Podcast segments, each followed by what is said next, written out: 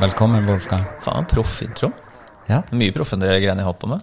er det det? Ja, Du har jo vignett på On Demand, og se på den røde mikseren din òg. Det er jo det lysshowet her. Har du egen mikser? Ja, inni PC-en. Å ja. Ja. Hør her, da. Kan jeg slenge sånn inn innimellom? Fy fader. Er det, er det noen sånne spalter her, eller et eller annet? eh, noen overraskelser etter hvert? Ja. Du skal bare virkelig sette meg på prøve her? Du, Wolfgang Wee. Ja. Det heter du. V. V? Ja. Oi, så deilig. ja, det er deilig. Hvor kommer det fra? Ja, Hvor kommer det fra? Etternavnet tenker du på, eller fornavnet? Ja, alt. Fornavnet kom vel at pappa ville at jeg skulle ha et internasjonalt navn. Mamma ville at jeg skulle hete Sebastian. Det er jo internasjonalt navn, så jeg skjønner ikke hva de krangla om. Men, eh, men uh, han bodde i Sveits, tror jeg. eh, Så vidt storyen, da. Så da han heter Geir. Eh, og da var det jo ingen som greide å si Geir, eller skrive det eller stave det og osv. Så, videre. så da tenkte jeg hvis jeg får en sønn eller barn, så skal jeg ha internasjonalt navn. da. Så søsteren min heter Victoria, og jeg heter Wolfgang. Nydelig. Ja. Etternavnet? Er det normalt, da? Holdt jeg på å si. Er Ja, det vanlig? Vest, det er vestlands... Oi. Det kan hende det kommer faktisk helt altså, tilbake til sånn type vikingtid. For det er, sånn der, det er VE. Jeg vet ikke om du har hørt noe som V-gård og liksom V-distrikt altså rundt omkring det i rundt Trøndelag. Så vidt jeg har skjønt. Altså, det er sånn V-slekt som går langt Vestlandet oppi Det er trø Trøndelag, men så er det oss mest i vest, på Vestlandet, i Rogaland, eh, Haugesund, eh, Stavanger Jeg vet ikke, Jæren, jeg har ikke peiling. Men eh, det er mange som heter VE. Ja. Og så er det noen som på en måte Jeg vet ikke, skal jåle til etternavnet sitt. da Ja. Så er det noen som har skrevet VEE på et eller annet tidspunkt. Så mange som heter er VEE. du? Og nå har jeg, så er det da noen enda som har tydeligvis veldig dårlig engelsk, da, men som på en måte har lyst til å fiffe opp etternavnet litt. Så har det blitt WEE. Så det har mutert, da. Eh, Ja, så vidt jeg har skjønt, da. ja, for det var det jeg så når jeg så på navnet ditt. tenkte jeg, Oi, han har jo laget seg et frekt eh, alias. Jeg det er veldig mange gjester som spør meg hva heter du egentlig for noe. Ja. Så spør jeg om det er navnet. Nei, Nei, ikke ikke sant. Du har et ordentlig navn. så er det sånn, du har et vanlig navn. Ja. Så er det sånn Nei, nei. Fine initialer. Jeg liker det. Mm. Eh, Du er her fordi eh, vi har en showme, en eh, felles venn. Ja. Shout-out til pastor. Ja, pastoren. Og så gikk jo jeg inn og skjønte at du gjorde jo litt forskjellige ting. Og du er podkastfyr Mm. Med mange episoder. Skal vi snakke om Vidar først, eller skal vi Ja, kan vi gjøre det? Hva kan vi fortelle om han? Rykken store stor? Ja, er han det? Jeg vet ikke om han vedkjenner seg det, men jeg har prøvd å få ham på podkast mange ganger, da. Han er jo veldig opptatt, i, opptatt av digitale ting, så jeg vet han kommer til å hate at vi driver og prater om han nå. Ja, han hater liksom å være i, på, på synlig på internett og, og liksom, Han er veldig nøye på det digitale og personvern og sånn. Ja, og Men, avtrykket eh, sitt. Ja, ja, ja, ja. Så jeg prøvde å få med på podcast for å snakke om sånn Han er så jævlig oppdatert på Apple-produkter. Ja, ja, ja. Så når vi møtes, må, må jeg alltid sette, be han sette mobilen i flymodus, ellers funker det ikke. For da skal han alltid vise meg noe greier. ikke sant? Ja. Så det er alltid mye sånn sjekke ut noen apper. Og han var første, en av de første i Norge som fikk iPhone og sånt. Så da henta jeg den iPhone 1. Da viste man den der ølappen, husker jeg. var den første. Så det, alle som hadde iPhone, skulle liksom vise de gøye appene. Og så Nei, så han, han prøver jeg å få med dem. han, han vil ikke ha noe sånn fokus på person, tror jeg. Jeg tror hvis han blir bitt av sånn der, at han kan bli sånn øh, tech-ekspert eller Apple-ekspert Han er jo, han kan jo jævlig mye. Ja, for så han, han øh, eh, er jo Ja, det er akkurat det og musikk inntrykket. og, og kjenner jo alle. Ja. Alle. Men jeg kjente jo ikke han før jeg kjente han, selvfølgelig. Men eh, jeg føler at jeg var litt treigt ute der. Mm. Men uh, når vi først kom inn der, så uh, For en fyr. Man kjenner veldig mange som ikke betaler skatt òg. Oi. Sånn ikke-skattbetalere. Så, Ja, er det de rike, det? Eller de som Ja, det er godt spørsmål. Er det svart? Nei, det er vel kanskje kriminelle. Ja. Nå har jeg snakka for mye allerede. Ok. Ja, nå blir han sur på meg. Sorry, Vidar. Vi skal klippe Men i hvert fall, eh, så han er fra Rykken. Er du fra der òg, eller? Er han fra Rykkene? Han er jo nederlender, da. Han er jo. Vidar Pastor. Han er jo øh, ja, 50-50 Rykke-Nederland, da. Amsterdam, tror jeg. Ja. Jeg kjenner det nå ble jeg litt sånn på, på hva grunn jeg kjenner. ja. Ja, Det går greit, det. ja. ja. Men hvor er du fra? Jeg er fra Jeg tenker ikke på foreldrene mine, men hvor jeg er født. Liksom. Jeg, er født i, Ja. jeg er født i Oslo, og så vokste opp i Bærum. Ja. Eh, på Dønsky og Høvik i Bærum. Så ja, vi var på russebuss, men i Bærum så er det da stort sett bare vanlige folk, og så er det noen veldig, veldig, veldig rike mennesker. Ok. Og på, Så ikke bare den ene gjengen, altså? Nei, men det er jo de, de veldig, veldig ressurssterke rike, de gjør veldig mye ut av seg. Så det er jo derfor Bærum er som det er, da. Ja, sånn. Som har, eh, så Asker er ikke noe annerledes. Asker og Bærum er nesten helt likt. Ja. Sånn type folk og alt mulig, og ungdom og sammenlig, altså ungdomsliv og sånt, men Asker er uh, undervurdert uh, i forhold til Bærum sitt dårlige stempel. Ja. Ja. Men uh, det, altså det, ja, det er veldig Bærum er liksom delt opp litt sånn som nesten Oslo, at du har en, sånn, en vestkant og en østkant. Veldig markant. Bare det er veldig omvendt. da, At Bærum vest er litt mer som Oslo øst, og Bærum øst er litt mer som Oslo vest. Dette er mye å ta inn. Ja, det Hodet henger, bare- med? Så vilt. Ja, det. Er Bor du der nå, da? Eller? Nei, nå- jo, jeg bor faktisk på, jeg bor på Fornebu, så jeg er faktisk tilbake igjen i Bærum etter en lang reise. Ja. Er det da øst eller vest? Det er Bærum øst. Ok. Ja. Ja, så nå er du en av de som gjør litt mye ut av seg? Ja, nå eh, Det er faktisk sånn når du får barn, og så tenker du sånn Jeg liker Fornebu veldig godt. Det er veldig, veldig fint der etter flyplassen er borte. og eh, Fire turområder og veldig effektivt. Du slipper å bruke bil. eh, ja, men jeg liker veldig godt. Du kan liksom være på Fornebu, og så har du alt du trenger. da, Og det er veldig bra tilbud til unge og skoler og sånn.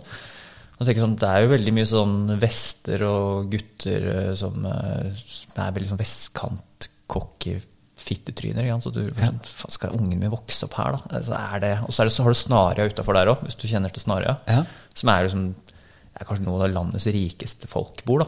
Der er det bare altså, Der er det så mye Sikkert masse hyggelige folk, men der er det mye mye, altså mye gærne folk, da. Eh, Uh, gærne folk får jo gærne unger òg. Så det er jo så det er sånn Skal man la ungene vokse opp der, eller skal de vokse opp på et litt mer vanlig sted? Skal man dra til et mer sånn boligstrøk, liksom lenger inn i Bærum? Skal man flytte enda lenger ut?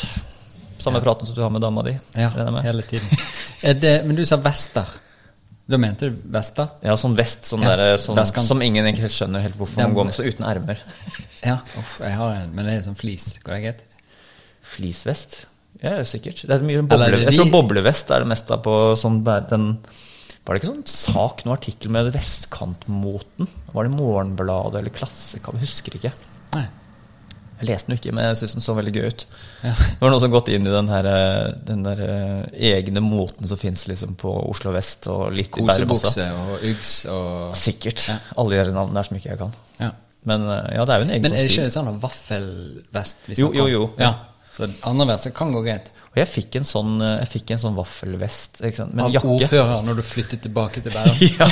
Velkommen tilbake. Via, det det. var, det var fra ordføreren via dama, så sånn, hun ga meg presangen. Men det var sånn, den, den ser litt sånn eh, Jeg kaller bare jakka for nevemagneten. For det føles ut når jeg har den på meg. Så er sånn, det er litt, det er veldig, Du føler deg litt som nevemagnet. Liksom Hva er det- det er sånn- nevemagnet? Nevemagnet? Ja. Det er jo som at du har lyst til å slå til noen.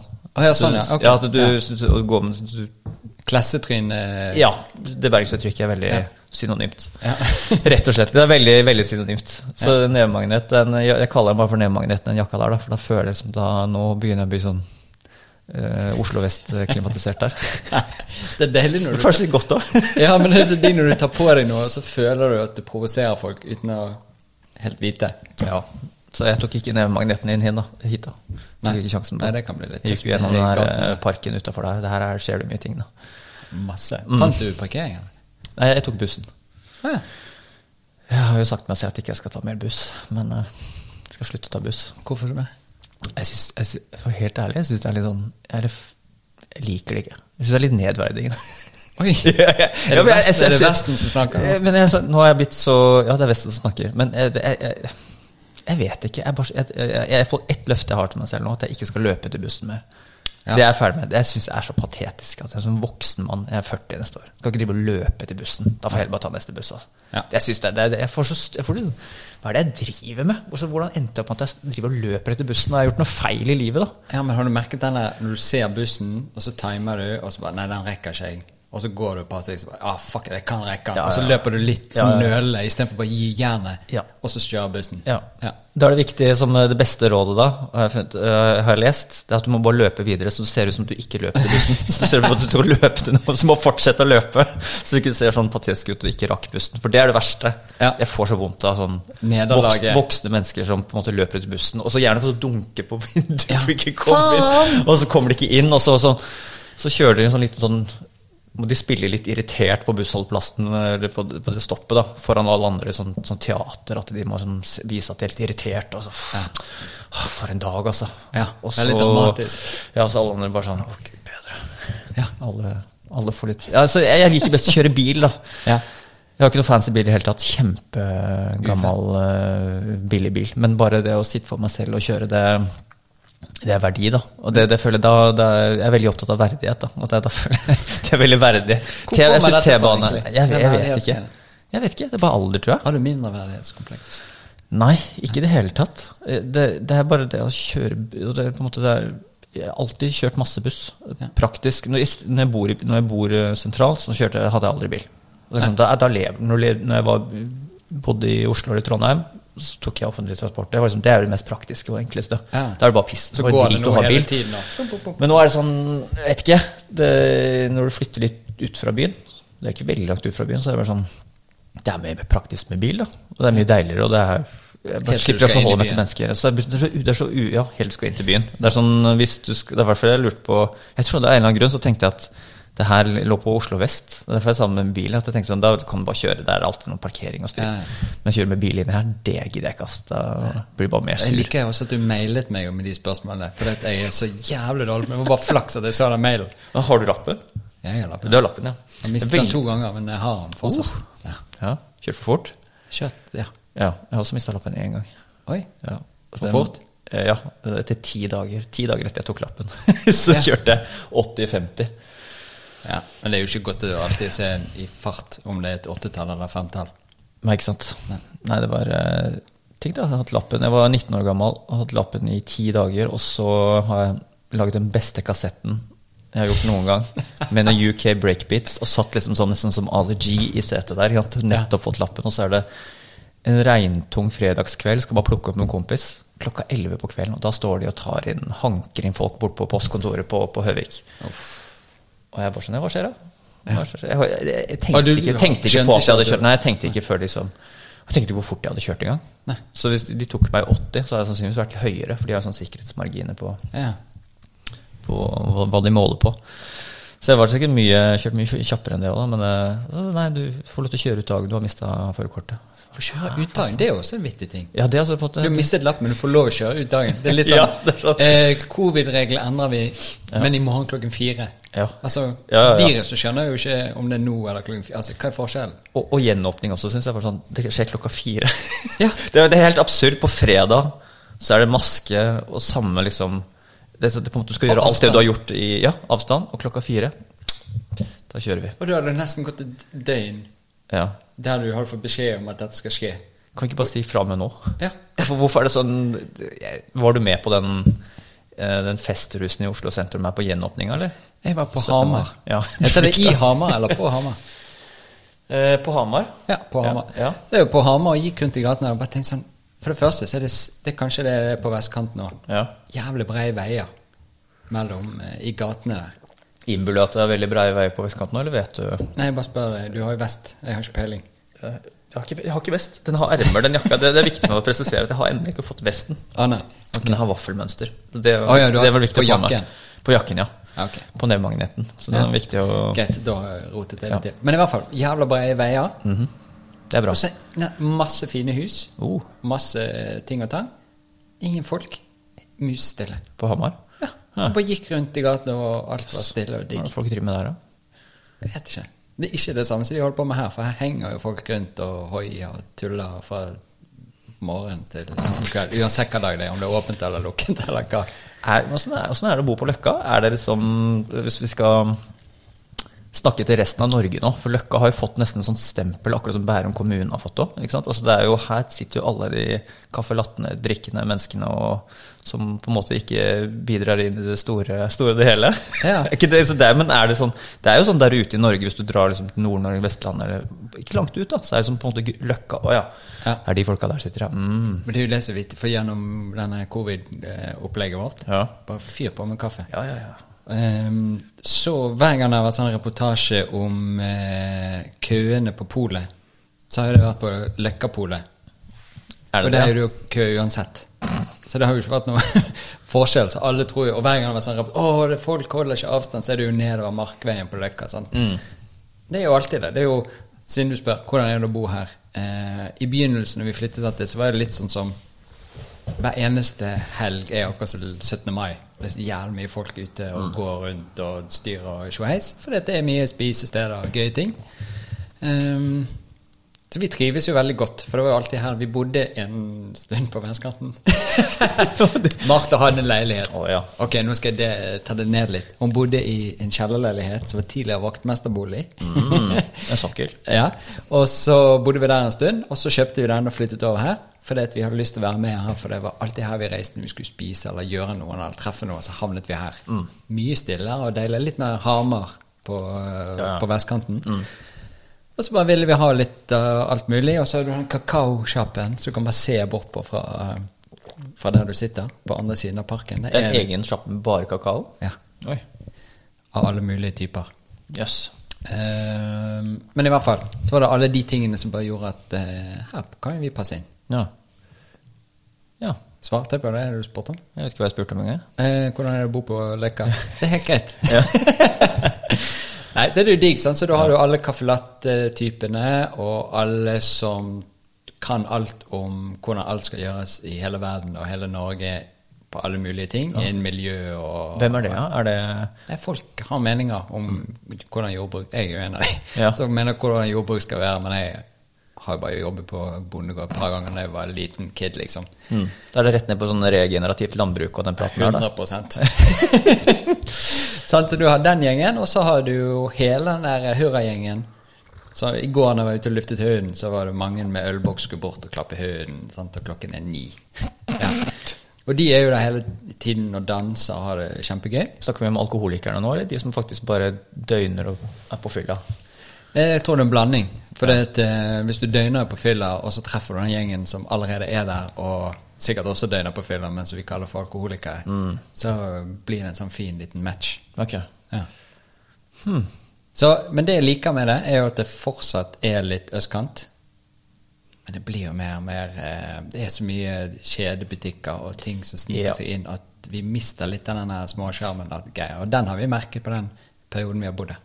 Ja, på de åtte årene du har bodd her. Jeg vil tro at på et eller annet tidspunkt så kommer det hele sjappa her til å For det, det er jo et eller annet sånn I og med at det er så populært, og boligprisene stiger såpass mye at det blir jo vanskeligere og vanskeligere for de eh, De som på en måte kanskje har skal vi si, eid eller eh, gjort mye liksom av eh, eller vært med på å skape den stemninga, og de i butikken og kafeene som på en måte lager denne der løkka autentisiteten, hva skal jeg si, stemninga. da, så på en måte det blir jo Når liksom prisnivåene øker og populariteten øker, så blir det jo main, mainstreamifisert da, på et eller annet vis. At Veldig. det, snart har vel ingen råd til å bo her lenger, og det er jo alt blir for dyrt, og alle vil inn hit, og det er jo veldig knapphet. da.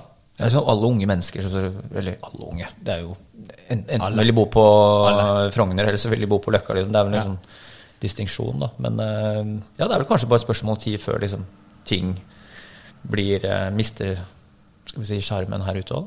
Ja.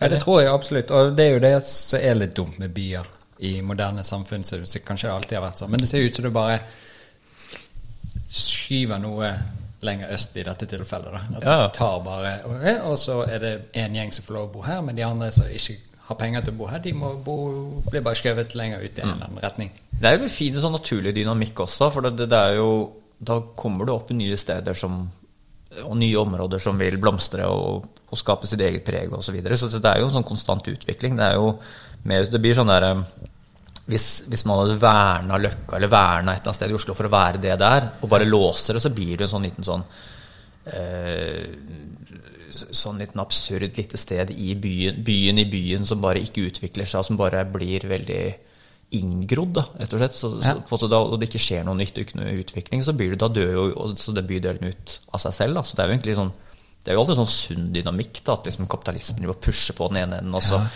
Stikker de som på en måte ikke vil ha noe med det å gjøre, og finner nye steder. Og, og at det er liksom litt Kjører sånn sitt opplegg der. Ja. Ja. Om du ser for eksempel Manhattan. Mm. Det er jo bare for de som har penger til å bo på Manhattan. Og så må de andre bo to timer med T-bane opp i Queens for å komme seg inn for å jobbe for at de som har penger inne på Manhattan, skal ha det bra, og så må de stikke tilbake igjen. Og der har jo vært denne flyttingen av bydeler hele tiden, sant? med at eh, man oppjusterer et, et nabolag, og så har eh, hva de kaller Alphabet City på, på Manhattan har nå blitt Williamsburg, og så bare blir ting skjøvet i en retning. Det kan jo være at det er digg, og kan jo være at det ikke er digg. Jeg vet ikke. Jeg bare tenker når du er, når du er inne på de vaffelgjengen, så er jo det mye vaffeljakker, amerikanske vaffeljakker inne på Manhattan, som kanskje kunne vært andre steder og viftet med de vaffeljakkene. Ja. Men det, det er jo litt sånn eh, Jeg merker jo på, sånn, på, på, på dama og sånt og, liksom, og venninnene hennes hvis de skal- skal ut og kose seg på liksom, noen autentiske ting som på en måte ikke er noe sånn på, på vestkanten, så er det sånn ja, Vi fant liksom en ny vinbar på Løkka som var bare helt Å, det var jo så utrolig Ja. opplegg. Så det er sånn der det Det er jo fortsatt noe sånn veldig romantisk og, og ekte, uh, virker det som, da. Oi, Ja. du, drikker du kald kaffe, du, nå? eller? Eh, Kald kaffe med kald fløte i. Du som ikke liker kaffe engang? Overfyller koppen din. Veldig god te, forresten. Ja, takk. Ja. Den var bedre enn du fikk vondt i magen av. Å, fy faen. Sånn eh, grønn te med koffein. Ja. Hva er det? Er det sånn fruktte, der, eller? Nei, nei, nei. Dette er Urtete? svart te. Svart te? Ja. Er det koffein i det, eller? Ja. Ja. Så, Så- nå går jeg liksom Nå, Nå får du fra nå alle blæste jeg hele det der koffeinprosjektet mitt nå. Går til helvete. Ja. det å kutte koffein. Sorry, Mike, men eh, sånn er det. Men eh, i stedet når du eh, blir tatt i politikontroll, Mhm. så har du laget en kassett. Ja. En perfekt kassett. For de som ikke vet hva det betyr, hva er det å lage en kassett?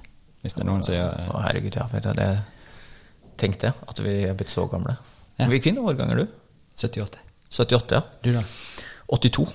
Helsike. Ja. Så Du var guttepjokken, du. Ja, jeg er jo fortsatt ung, ja. Og likevel 39 og så jævlig Så dårlig rygg. Har du dårlig rygg? ja, litt dårlig rygg. Men Men hva som er positivt? hm? Hvis jeg husket det, så får du et sånt gavekort av meg Oi. på behandling. det hørtes på en måte langsiktig dyrt ut. Ja. Det er alltid eh, gratis inn første, og så holder vi det gående. så bare tar du bare arrest, så holder du lommeboka mi og må, ta, må bare dra kredittkortet, vi skal bare registrere det. Ja, vi beholder pengene. Ja. Fryser, fryser 1500 kroner der, bare. Ja. Kassett, eller hva var det vi Dårlig rygg? Hva vil du Kassett. høre? Kassett, ja. Um, jo, det var vel egentlig bare fordi at jeg har en Hyundai Getz fra 2004. 2005? 2004? Ja, Er den du har fortsatt? Jeg har fortsatt. Ja. Den kosta meg 30 000. Og den er verdt kanskje Hver gang jeg EU-godkjenner bilen, så på en måte øker den seg, dobler den seg i verdi. Ja. det koster meg 10 000 kroner nå. Ja. Jeg, tror ikke, jeg tror det er nesten sånn neste vraking, da. Den har bare kassettspiller. Men slipper du da til slutt å betale som veiavgift for dette er veteranbil? Ja, det er ikke faen ikke legge til, altså. Tenk deg å kjøre veteranbil med sånn Hyundai koreansk veteran. det vittig. Men det, nå jeg. Det var, um, den bilen som han pappa hadde, var en enda mye eldre bil. Jeg tror det var en Clio uh, som hadde kassettspiller. Den her har kassettspiller. Getsen har kassettspiller. Den er såpass moderne. Ja, klimaanlegg og altså vi snakker altså elektriske vinduer. Hallo. Hei, hei, hei. Ja, ja, ja. Men den bilen hadde kassettspiller. Og så da lagde jeg da en kassett. eh, Og da måtte du jo ha Det ble sånn komplisert på slutten av 90-tallet å få eh, musikk fra PC-en eller CD-spilleren over på kassett, for du måtte ha det riktig kabel og no, en kassettspiller som fungerte. Og Ja. jævla prosjektet der. Riktig driver. Ja, riktig, sant? Så, det, så da var det jo Du måtte ha AUX-kabelen, og du måtte liksom realtime ta opp og avspille uten avbrudd. Så var det bare å spille inn en liten mixtape, da, også med noe sexy greier. Så er det det var vel sånn 60 Hvor mye var det i kassetten på? 60-90 minutter? Ja. 45 minutter hver side? Vi hadde noen 120 tror jeg. Ja. Ja, jo, jo, jo. Det var noen greier der. Når du var virkelig Ja, da er det også virkelig når du hadde mye å by på. Når du skulle fortelle henne at du var glad i henne med en kassett, så trengte du 120. Bare Jeg har faktisk aldri lagd en kjærlighetsmixtape, men jeg har lagd kjærlighets-CD-er. Fungerte ikke så bra, tror jeg. Nei, det så bra. Kjærlighetssede, det klinger jo ikke det Nei, det, det er noe kaldt over det. Digital kjærlighet.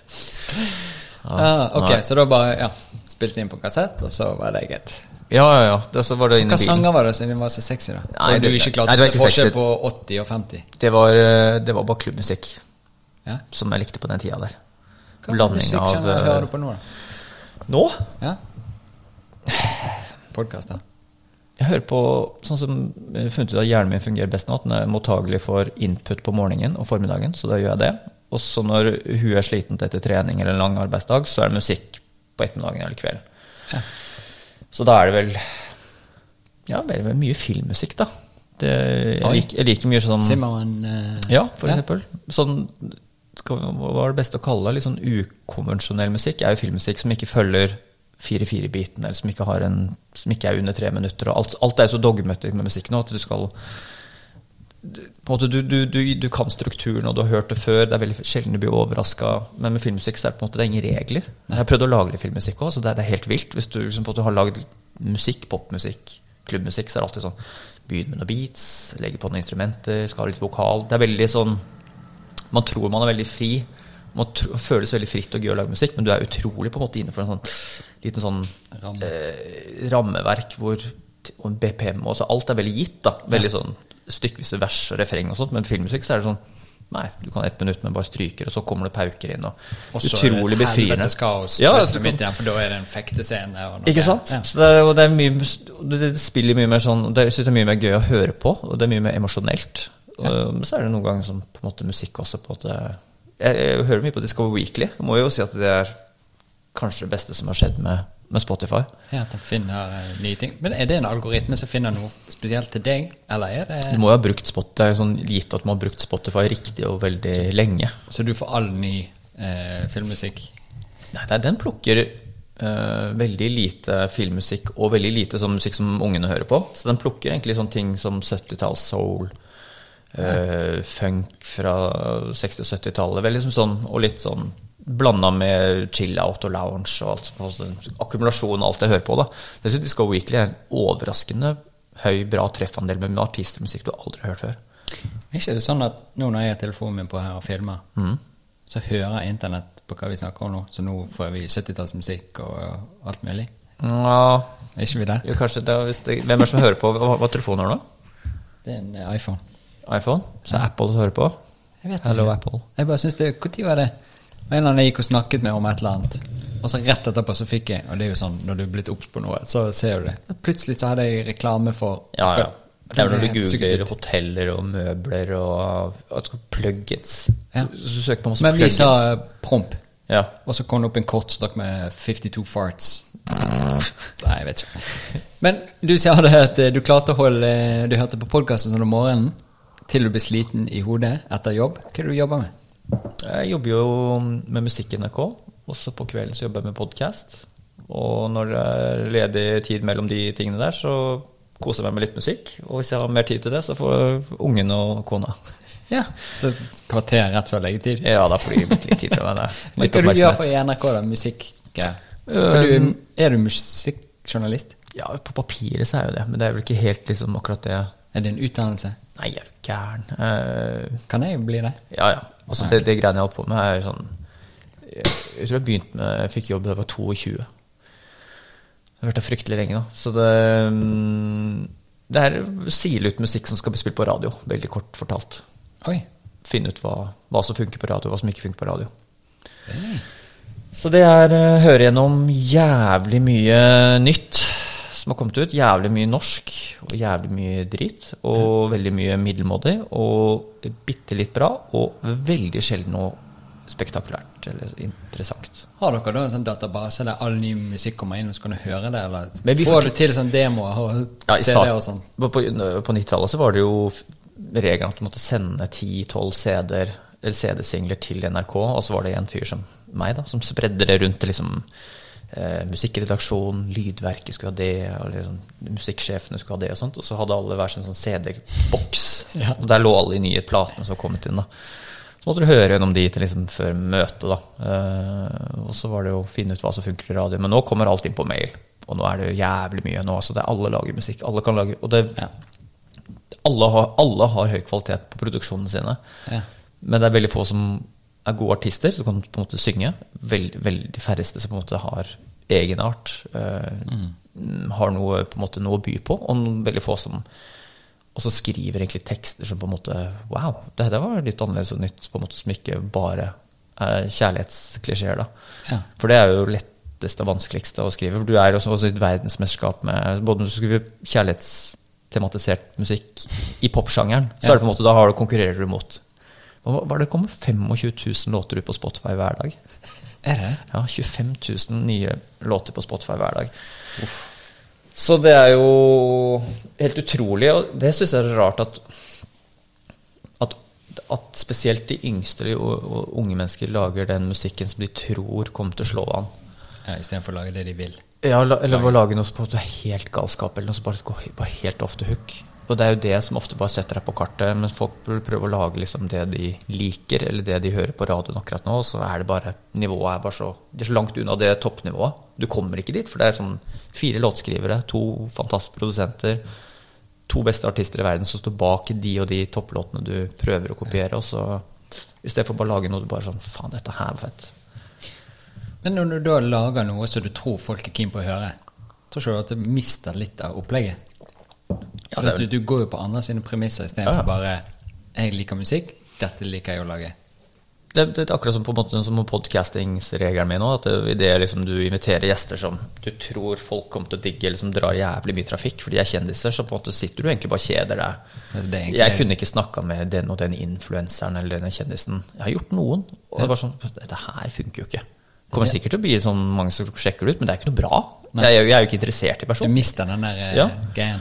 Det er den vi har i dag. Du Ja. bare her fordi du har 100 og Hvor mange episoder har du på din podkast?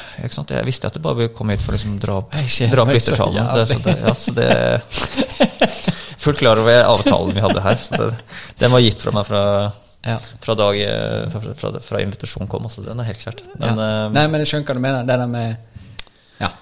Ja, Du er ikke interessert, egentlig, for du gjør det av en annen grunn. Du har en annen intensjon med hvorfor det skjer, Mm. Ja. Mm. eller hva du holder på med. Og det samme med musikken. Hvis du lager det på en intensjon mot at folk skal like deg, Mm. eller at du går rundt og oppfører deg sånn at folk skal like deg, men du er ikke deg sjøl. Mm. Samme driten. ja. Går du og legger deg, og så er du litt lei deg.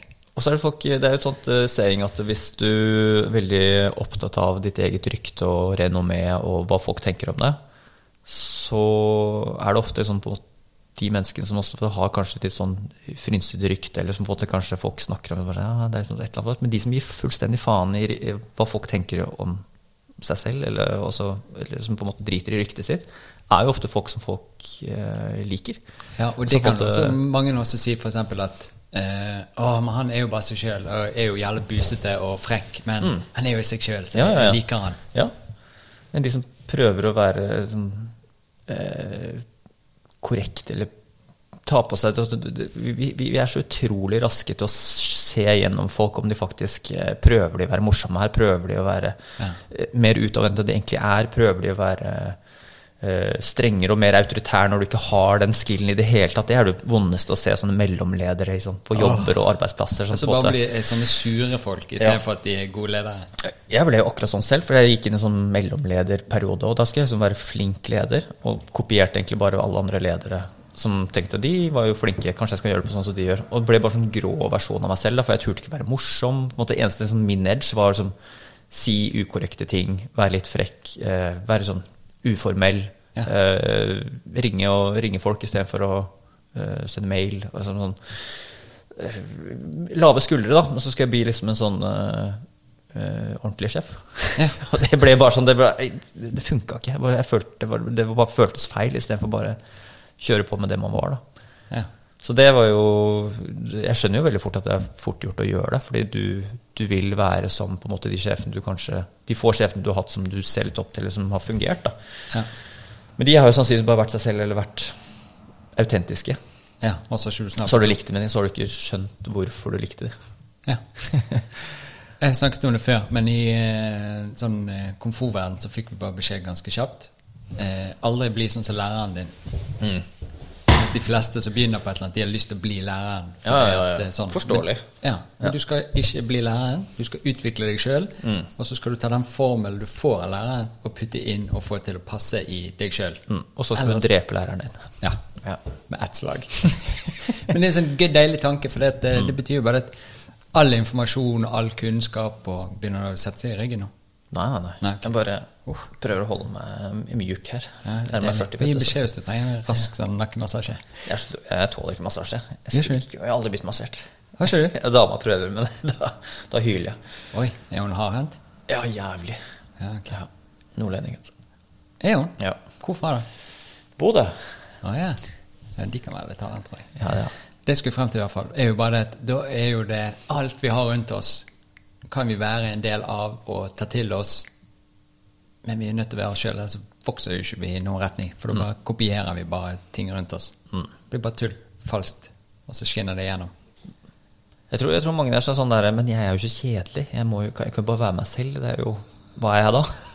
Det, kan jo godt, men det er jo bedre jo, Hvis du er en kjell person, så vær deg selv, så er det jo jeg, jeg tror det bare Jeg tror man sparer veldig mye energi på å ikke gå inn i roller, da, og bare gi faen. Og du, du, du, måte, om du er en litt sånn tørrpinn og litt kjedelig, hvis det er utgangspunktet ditt, så på en måte, jeg tror du kommer til å gjøre mye bedre uke av deg selv uansett hva du er, for du, du slipper å bruke energien på å liksom sette den i Nå er jeg med foreldrene mine, nå er jeg med Ja. kompisene mine, nå er jeg på jobb, nå, liksom, på en måte hele tiden. Bare dundre på. Eh, Så på en måte kan du bruke energien på andre ting. da.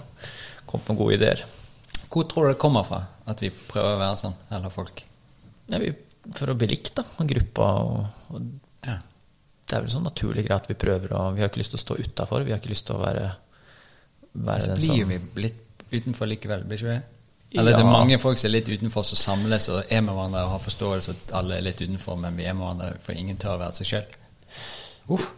Ja, ja, det, det, det, det er fælt, men det, det er jo de, de aller fleste grupper og sånt det er jo veldig sånn likesinn at det er Ja, at man, man kommer jo inn i de gruppene man vil, men kanskje ikke på det, på det rette premisset, eller at man har vært seg selv, at man har gjort seg til at man vil være med den gjengen der. At man, kommer, man greier alltid å manipulere seg selv inn med de man har lyst til å henge med, og så går det jo en viss tid, og så bare Nei, jeg hører ikke hjemme her. Hva er det jeg jeg driver med, liksom? Det Har du kjent på det? Nei. Altså, kanskje NRK. eh, Så er det jo sånn på en måte Der er det jo Skal vi si mye mer eh, Jeg er jo sånn innerst inne ikke sånn superkonservativ, men jeg innser at jeg er et konservativt sånn skeptiker. eh, Og, i, og høyre, skal vi si, eh, høyrevridd mer enn venstrevridd i, i mange spørsmål.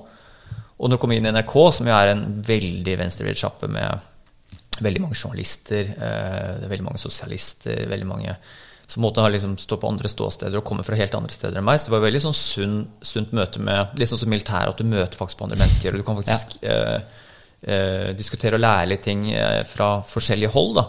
Men det var sånn tabbe med at jeg prøvde liksom å komme inn i den på en måten som NRK-folk eller journalister og mye sånn rart folk snakka, og som var disse på en måte humoren deres. og og du gjør det liksom sånn på en måte Du har lyst til å være litt i gruppa, og du har ikke lyst til å være han, han ja, det utskuddet. Eh, og da er liksom, da er det vel, men der tror man man er ung, så er man tilbøyelig for å, for å komme Du har lyst til å være en del av arbeidsmiljøet, og du har lyst til å være på fest, men jeg syns jo alltid det var rart. Eh, fordi de festa på på en annen måte, og de, som de hadde en helt annen kultur. det? Nei, det var så mye mer sånn De hadde quizer, og de hadde Og de var eh, ja, helt andre type fra en gjeng Jeg kommer jo fra veldig sånn på en måte Du drar på vorspiel, full pupp, hører på musikk, ikke sant, som veldig På en måte veldig Spilte Maskerer poker, eller, for og det kom eh, Skal alltid liksom ha noe Vente på liksom, få noen jenter opp på vorspiel, og så var det på byen, og gjestelister, eller komme på de og de stedene, og veldig sånn full pupp. Det er mye drikking og øh, veldig hard festing øh, uten narkotika. Øh, mens liksom, NRK er med roligere quiz og narkotika. ja. Det sies mye mer uh, weed og narkotika enn den gjengen jeg har på med. Det var, det var mye mer um, Jeg har ikke sett på intellektuelle samtaler, men det, jeg merka jo at det var på en måte, de hadde et helt annet intellektuelt nivå da, på 20, eh, i sine 20 og 30 år, og leste mye mer aviser og var mye mer opptatt på politikk. Ja. Eh, og det var sånn som kom mye senere for min del. da, At eh, jeg hadde liksom litt sånn overblikk over politikk, men kunne veldig lite om det. Kunne mye om penger, men jeg kunne veldig lite om sånn, samfunnsøkonomi. var jeg ikke så god på, men jeg hadde liksom god kål på eh, økonomi. Sånn, der, sånn generelt sett. Men, eh, men sånne politiske ting og i medieverden og, og kultur og sånt òg lærte jeg liksom veldig mye liksom, når du kommer inn i en sånn NRK-verden. så det sånn på en måte eh, Stimulien var veldig god. Jeg lærte jo Fikk jo mye mer bredere horisont og vokste liksom litt opp i NRK med på liksom eh, ikke være den der ungdommen som knallharde festinga pågår liksom opp til 20-årene og sånt, men på en måte bli litt metta på det og sånt òg, så da var det jo litt gøy å ha sånn litt eh, større spennvidde i eh, bekjentskapen og kollegaer og sånt, og, men tabben var jo at jeg prøvde liksom å være De. som de, og begynte nesten å kle meg som de òg. Det, var det, det kan man ikke finne på å gjøre. Måtte du hive vaffeljakke? Ja, så da måtte jeg hive vaffeljakken. Det Det- Jeg, jeg var jo sånn på en måte en periode der jeg virkelig bare var ute og jeg ble kjent for han fyren med hvit joggebukse på jobben oppe i Trondheim der. Hvit joggebukse. Hvit joggebukse som liksom litt ordentlig dassete. Og det er sånn verste jeg ser, er joggebukse i butikken og Ja. eh, som Du folk skal, som går du går skal rundt i voksenklær på bybildet. deg når du er ute? Ja, jeg er litt nøye på det nå. Under korona og sånt, og så hadde jeg aldri på meg joggebukse. Kanskje en shorts, men aldri på, jeg, gikk, jeg går aldri rundt i joggeklær, for da føler jeg at det er dassete. Så tar jeg på meg litt ordentlige klær, så er det sånn da Det er et eller annet med den verdigheten, da. Tilbake til verdigheten. så, så det er jo NRK-folk er ikke sånn opptatt av klær og mote. Det er liksom litt sånn nedpå og litt, uh, litt sin greie, da. Det er litt sånn ja, det er hvit joggebukse, og så på en måte ikke se for deg sånn Ikke en kritthvit, uh, kul sånn uh, stå på hjørnet her og deale joggebukse, holdt jeg på å si. Nei. Eller sånn tropper opp i treningsstudio med en hvit, fet joggebukse. Det var sånn litt sliten eh, sånn, eh, ja. Hva sko har du til det? Og en hettegenser. Ja. Nei, det var også noen stygge sko. Noen joggesko Nei, ikke joggesko, men kanskje noen sånne harry ekkosko eller et eller annet drit. Herregud. Har du bilde av dette, tror du? Nå, det var- det var annen bekledning på byen, da. Da var det mye mer sånn Da var det blå joggebukse. Da var det vel uh, Fy faen, ja. Det var mye sånn Ja, det var mye dritt. Men det der hoiete um, forspill uh, ut på byen-greien som holdt på med da, var det fordi du syntes det var digg, eller var det bare fordi alle gjorde det? Um, det var vel jo Eller ville du bare bli likt, så du hoiet? Eller var det jævlig gøy? vet ikke. Det var bare sånn der Når det ble torsdag, fredag, lørdag, så var det sånn ut på byen. Da. Gøy med Gøy med Vorspiel var det gøyeste. Det Ja, var liksom Kjempegøy. det var, det, var bare, det var jo bare gøy. Det var jo poker, og det var drikkeleker og den tida man holdt på med det. Og sånn. Det var jo bare jævlig gøy med den biten der. Og så var egentlig byen liksom sånn ting man bare måtte på etter vorspielet. Ja. og så var det selvfølgelig liksom, på en måte, det var gøy med damer òg, da. Og, Ja. liksom måte, og som jeg var jo litt sånn late bloomer også, så på en måte da jeg liksom først fikk de greiene i gang, så var det jo veldig gøy, ekstra gøy, å Ja. liksom få, få være med på den moroa, da. Ja. Så da var det Nei, det var liksom, jeg tror det er bare sånn eh, Henge med gutta, rett og slett. Ja. Og fant liksom sine klikker som å ha gøye vorspiel og dra på byen, møte damer og dra ut og trene dagen etterpå fotball. Ja, det, var, så det var bare livet som Jeg tror ikke man stilte så mye spørsmålstegn, men til slutt, det var det som jeg gjorde. Liksom, jeg til slutt bare sto i en bar og sto sånn Faen, gjør jeg her?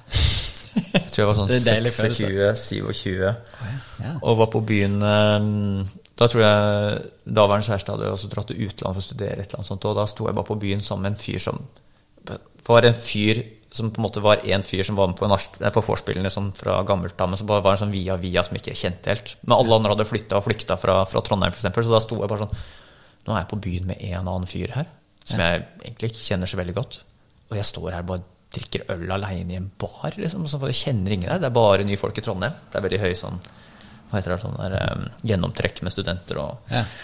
Nye folk hele tida, ikke sant. Sånn med russetid i Trondheim. Det bare byttes ut hele tida. Men da så tenker man, hva er det jeg holder på med her? Jeg står jo bare her og drar hit fredag lørdag, bare henger her. Altså, det er helt totalt meningsløst. Ja. Så da bare mista jeg hele den derre den der, Hva er det jeg holder på med? Det er sånn slutten av 20-årene. Jeg vet ikke om du hadde det samme selv. Eller 30-årene. Bare sånn Hva er det egentlig jeg bruker helgene og tida mi på? Stilte vel mye spørsmålstegn med ting man har drevet med som bare gikk på autopilot. da. Ja. Nei, jeg snakket med Marte ute og gikk med hunden her forleden, og da tok jeg det opp så bare Tenk på hvordan vi var før. Bare ute og hoiet og styrte og gjorde ting. Og så satt du egentlig ikke igjen med noen ting. Det var bare litt mindre penger i lommeboken. Det var litt sånn vittige ting og gøy og et eller annet. Men du satt av og til bare igjen med sånn ingenting. Akkurat som du bare hadde vært dratt vekk et eller annet sted og distansert deg fra verden, og så kom tilbake igjen. Så det ble en sånn der rar ting. Veldig glad for at jeg har gjort det. Trengte ikke gjøre det så mye som jeg gjorde, tror jeg. Men uh, kunne Enig. fått et lite lys tidligere. Ja. Men nå er det sånn Faen, Hva er det folk driver med? Jeg tror det skjer når det skjer. da. Det er sånn, jeg, tror du, jeg tror det må bare skje organisk. Sånn, Ja. så fint heter. Det må bare skje naturlig at hm, nå har kanskje kommet en ny fase i livet, og hvorfor har jeg gjort disse tingene og disse tingene. Ja. Samme tingene fikk jeg egentlig med eh, dataspill. Ah, det var, det jeg var det jeg har? Ja, jeg har vokst opp med, med PC siden jeg var sju år gammel. Ja. Ganske tidlig på der. Alltid likt det og har fått masse, fått masse ut av det. eh, Og masse sosialt. Og, men på et tidspunkt så var det sånn jeg satt spilte Jeg var på siste gamingåret med på begynnelsen 2010-2011, så spilte jeg Fifa, GTA, litt Call of Duty på liksom PC-en. Men PC-en min holdt liksom ikke lenger, så jeg kunne ikke spille så mye med på sånne type ting. Men det bare sånn, sånn Hva er det jeg bruker tida mi på her, da? Sitter her og gjør sånn skill mode på Fifa og spiller GTA-missions og så. Det var veldig koselig. Sånn, men det var timene fløy, da. Ja. Bare sånn, Hva er det jeg liksom sitter igjen med? Og det tenker jeg er sånn der, Som var sånn gjentagende greie jeg sa på podkasten. Sånn, jeg er veldig skeptisk til denne her spillhyllesten. Den der hyllesten som, som gaming Nå heter det jo gaming, da. Jeg vet ikke når det ble gaming. Men det, altså, liksom akkurat sånn, det er sånn finere ord enn spille dataspill. Det høres jo Ja, jeg er gamer. Så, så, det er noe som på en måte høres litt bedre ut med det. Jeg vet ikke. Glorifiserende. Ja. Men nå er det jo sånn eh, Du ser liksom altså sånn Aksel Hennie sitter liksom i beste sendetid på NRK at gaming er som er bare, det er bare jævlig bra, fordi det, liksom, det, er, det er en sosial møteplass for unge som på en måte ikke har noe å, å treffe. Altså, sånn- de hjelper, hjelper eh, unge som ikke nødvendigvis er så gode til å sosialisere seg, som står litt utafor, og det er et sted hvor alle kan samles og få venner. Og hele den biten der er helt, er helt grei.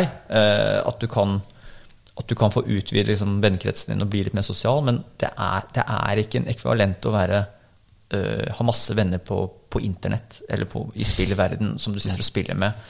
Du sitter stasjonært, kroppen din sånn degenererer seg. Du lærer ingen nye ting. Du sitter og spiller gjerne spill som er designa altså for å konsumere tiden din så mye som mulig. Da, sånn at Jo mer tid du bruker på det, jo mer blir du belønna. Det er jo en stor forskjell fra da jeg spilte dataspill. Så var det gjerne eh, begrensa spilletid. Det var liksom oppdrag. Det var eh, type du spilte spillet ferdig. Det var ikke den multiplayer-greia som kom seinere. Og at du- det var mye mer sånn tidsaspekt på det. At Fikk du, gjort bossen, og så måtte du, ah, måtte Ja. ligge og hvile litt, for dette var helt kokt. Tenk var super, Vi spilte mye Super Mario, men vi satt jo ikke der liksom og grinda i Super Mario for at du skulle få eh, nye ting i ryggsekken din, eller sånn achievements. Ikke sant? Ja, ikke sant? Du skulle bare gjennom det helvetes så fort som mulig. da. Ja. Men spillindustrien endra seg totalt liksom, med World of Warcraft og de tingene der som kom. Jeg er veldig glad for at jeg slapp det. Og tilbake til, Der tror jeg liksom veldig mange unge gutter som sliter liksom å finne skal vi si, venner, øh, fritidsinteresser som utafor soverommet, og kanskje bor på sted hvor det er veldig få mennesker som bor. Det er veldig lite å finne på. Den type ting. Sikkert mye bedre enn å henge og drikke og, og ruse seg, og selvfølgelig, men altså det er jo Ikke sikker. Det er en annen type rus, da. Ja. Og folk, jeg, jeg fikk faktisk, etter jeg snakka om det en gang, så var det en far som, satt, som sendte meg mail bare jeg var 100% enig og hadde en sønn på 15 år. Og da er det for sent. Han satt, eneste han brukte tid på, var å sitte og spille, spille, spille, spille inn i mørket sitt på rommet sitt. Ja. Og har sikkert bekjente der innom, men det er noe med det å ha venner i den verden der kontra i det ekte liv, hvor du faktisk sitter over et bord, deler en drikke, deler en opplevelse, snakker om ting med mobilen av, og du faktisk tvinges til å ha en sosial interaksjon som du da ja, som du, som du også øver deg på uh, til å ferdes i samfunnet, til å få deg en jobb, til å få uh, altså Hvis du ikke kan prate med uh, Få deg guttevenner eller prate med andre gutter i, ute i det virkelige liv, hvordan faen skal du greie å liksom møte en partner? Hvordan skal du, og når du drar ut i det virkelige liv, så lærer du også på en måte du må kle deg litt ordentlig. Du må i hvert fall passe på at du kanskje har eh, stelt deg litt. Ja? Du har kanskje tatt deg en dusj. Altså, du på en måte steller altså, du på en måte du, du drifter deg selv litt også være med i samfunnet og ute i det virkelige liv, men du sitter bare og spiller og spiller og spiller og spiller med folk som sitter der ute og snakker med dem på headset, så er det sånn en repetitiv avhengighetsgreie som jeg tror bare er jævlig skadelig. Og jeg tror det eneste også som han faren som sendte meg en mail, han sa ehm, Det eneste han har lyst til å gjøre, er å spille. Og det er liksom, Du blir avhengig. Liksom, du har ikke noe annet, du har ikke lyst til å gjøre noe annet, du har ikke noe interesse. for liksom det er det suget etter bare komme inn i verden igjen og bare gjøre et nytt mission. Møte kanskje noen kule folk som alltid venter på der inne. Det er hierarkier.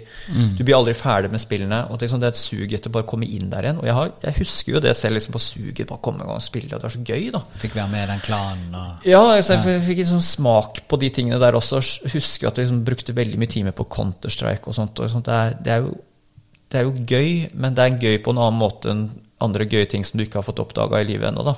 Ja. Og det er, jeg tror de kommer til å få en helvetes tøff reise i 20-årene, de som på en måte barrikerer seg og bruker altfor mye tid på dataspill i, i tenårene og 20-årene. Og det er litt tilbake til det, det der bylivet vi var ute og festa og sånt. Og vi fikk jo veldig mye venner og nettverk, og, og lærte jo veldig mye hva vi ikke bør gjøre på fylla. Og, og Ja, ja. lærer mye om på en måte forhold til både gutter og jenter på den tida der.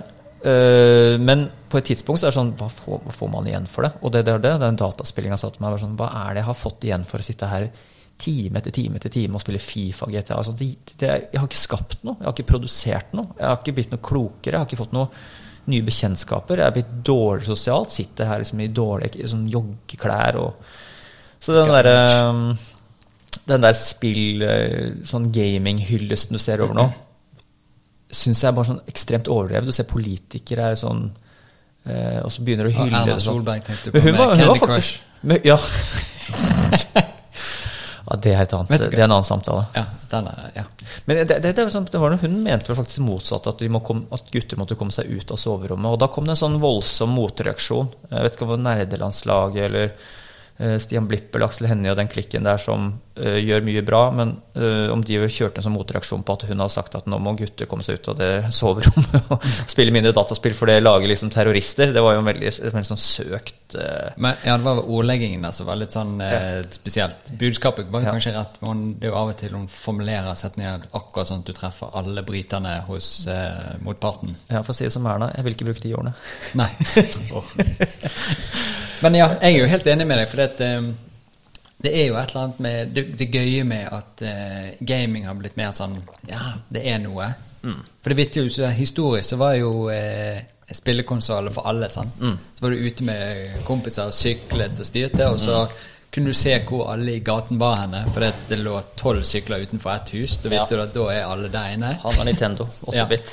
Og så spilte du, og så måtte du bytte. Du måtte lære dette med å, å gi plass til andre. Og du, du Hva er det du gjør med? Ikke det er albumet. Ikke ødelegg historien. Nei. Ehm, og Prøv den veien her, da. jævlig mye bevegelse her nå. Skal jeg bevege meg òg nå? Nei, nei. Jeg skal bare Du har et sånt uh, lekkert retro stolben som står litt i veien her. Ja, sånn. Ble du distrahert? Sånn. Hvor var vi?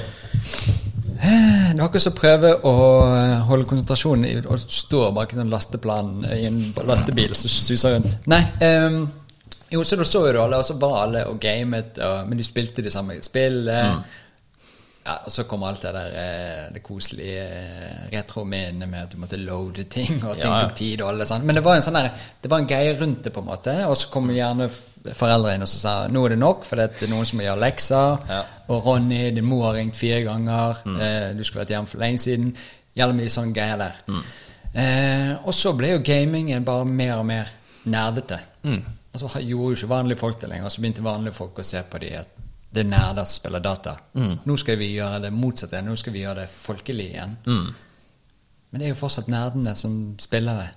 Det, ja. Og så har de fått noen folk inn som eh, ambassadører for å gjøre det. Kan være jeg tar helt feil, men det er sånn jeg oppfatter det i hvert fall. Eh, og da er det det samme. Så jeg tenker, det, det er kult det. Hvis du kommer til en klubb, liksom så som sjakklubben her nede på hjørnet, at du, Ja. du har felles interesse, så kommer vi der, og så gamer vi litt, og så snakker vi litt og henger ut og gjør ting. Men når gamingen bare foregår inne i fisebuksen på soverommet ditt, og det er det du gjør, og så snakker du med noen eller et eller annet Og hvis, det, hvis du da f.eks. er en person som har vanskelig med å ha interaksjon med mennesker, så øver jo du bare deg til å bli dårligere på det, Mm. istedenfor å gjøre det motsatte. Kom deg ut og lek med de og de og de, eller gjør et eller annet. Og, Mm. Det, det er en fake fix, tror jeg. For det, det, som uh, Var jeg inne på noe der? Ja, jeg, jeg er jo helt enig i det. Det jo Jeg bare venter på den nikket. Enig? Mm, ja. Jeg glemte podkasten ikke. Mm, mm, mm. Eller sånn mm, mm, som jeg gjør på podkasten. Mm, å, Jeg er sånn, mm, jeg er, mm, ja. ja. ja. Ja. Ja. ja. Mye ja. Eh, hvor var vi? Uh, Fake fix. ja, Ja. at det er jo det der som tilbake til at det er eh, hovedargumentet på at, liksom, eh, at det er bra, og det overskygger alt annet, det er jo det at liksom, de som ikke treffer, sliter med å få seg venner, som har uh, problemer i livet sine eller er asosiale, de får liksom sitt nettverk og sine venner. Og, de, og det er sikkert noen en måte, relasjoner som bygges der som også de kan ta med videre i livet. Men alt i alt så er det liksom det, det har liksom vært grunnen til at man har hylla det. Og så er det som for de aller fleste så er det som du sier, da, jeg tror det gjør det som selv en bjørnteste sosialt sett og resten av livet. For de kaster vekk så ekstremt mye tid på det. Og det er det som det tinget med gaming er å finne den der sweet spoten av to timer med, med eh, avslappende spilling hvor du kan koble av. Du slipper å tenke på stress med skole eller ja, foreldrene dine. på en måte, At du kan kose deg med noe som du syns er gøy. Litt som en film. da, eller på en måte Bruke Ja. sunn mengde med tid på det. Men det er det veldig få som greier, på en måte, for det er en avhengighetsgreie der som gjør at du bare timene går og går og går. Du greier ikke å slippe tastaturet eller å forlate det. Bare én runde til. Bare Ja. én runde til. ikke sant? Du må hele tiden på sånn, ta én match til på Fifaen, eller, på en måte, og du blir sittende og spille og spille. og spille, Du blir surere og surere, og du kan på en måte også få en, komme i en sånn negativ loop på at du blir sånn der sur på at du har brukt så lang tid på å sitte og spille uten at du har greid å oppnå også. Så det er sånn der um, tror, men Er ikke det som å være på kasino, da? Nå har jeg tapt så jævla mye, jeg må bare spille litt til, sånn at jeg vinner det tilbake igjen. gjør vondere, gjør vondere kanskje. Eller kanskje ikke. Jeg tror, du, jeg tror Kasino tror jeg at man går inn på kasino, og så har man sagt til seg selv uh, subbevisst hvor mye penger man er villig til å tape. Jeg, tror, jeg tror det er en sånn at man blir ikke så skuffa, for du går inn der, så vet du at du har 10 000 kroner å bruke. Du skal ikke tape det. Og så går du ut i underbuksen uten Ja. bilnøkler og alt mulig, og så for du, er beredt du var beredt på å tape det, selv om du er sur, da. Det er min tese på kasino, da. Ja. Men um, Nei, jeg, jeg, tror det, jeg tror det er sånn at, at de som har, har slitt sosialt, finner da en løsning der, uh, og finner relasjoner. Ja, det er sikkert noen bra ting der, men det er å finne den sweet spoten, at de bruker for mye tid på det. Til at det at, jeg tror det er sunt, da. Men da har man også funnet ut ja, men da må vi hylle gaming, for dette her gjelder jo veldig mange svake grupper og veldig mange svake unge som på en måte ikke får det til ellers. Og så bare hyller man egentlig noe som på en måte gjør de griseavhengige av liksom sitte og spille i det her fisebildet. litt og skjerpe. Ja, for liksom å gjøre forskjellige ting. da Har liksom diversert uh, ungdomstid med litt spilling og litt sosialt, og kanskje jobbe litt og hjelpe til litt, eller vet da faen, jeg. Nei.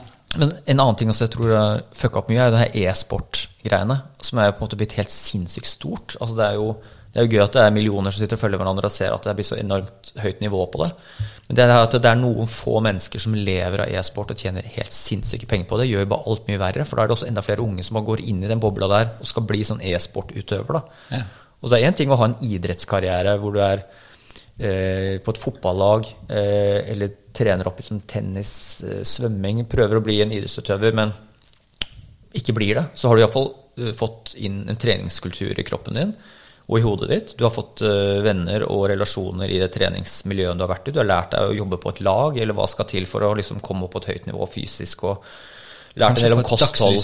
Ja, og dagslys. Du har en, du har en uh, trent kropp. Du har liksom på en måte veldig mange uh, fine biting som følger med idrett. da. Men liksom gå i, å, å være mislykka e-sportutøver, hva er det du sitter igjen med da? Masse, masse timer med, med gaming som på en måte liksom veldig vanskelig å få liksom noen fordeler av senere i livet eller ute i jobb og den type ting. Eh, så liksom det e-sport-greiene er, sånn, det er bra for de få som på en måte kan leve av det og tjene penger på det, er helt topp. Eh, men det er, Og være sosial. ja, Å være sosial og bli også stjerner og kan jo leve et superstjerneliv. Ikke sikkert de sitter så mye foran skjermen som, som de som prøver, da. Og så, så det, det e-sport-greiene også tror jeg en sånn bidragsyter til det er veldig liksom, hyggelig. Se på det, det er jo store, det er det her som gjelder for de unge nå. Vi må ikke liksom benekte de spilletid og hele den pakka der. Altså, jeg er glad for foreldrene mine liksom kasta meg ut når jeg sitter for lenge foran skjermen. Altså, Ja. det er jo, ikke sant?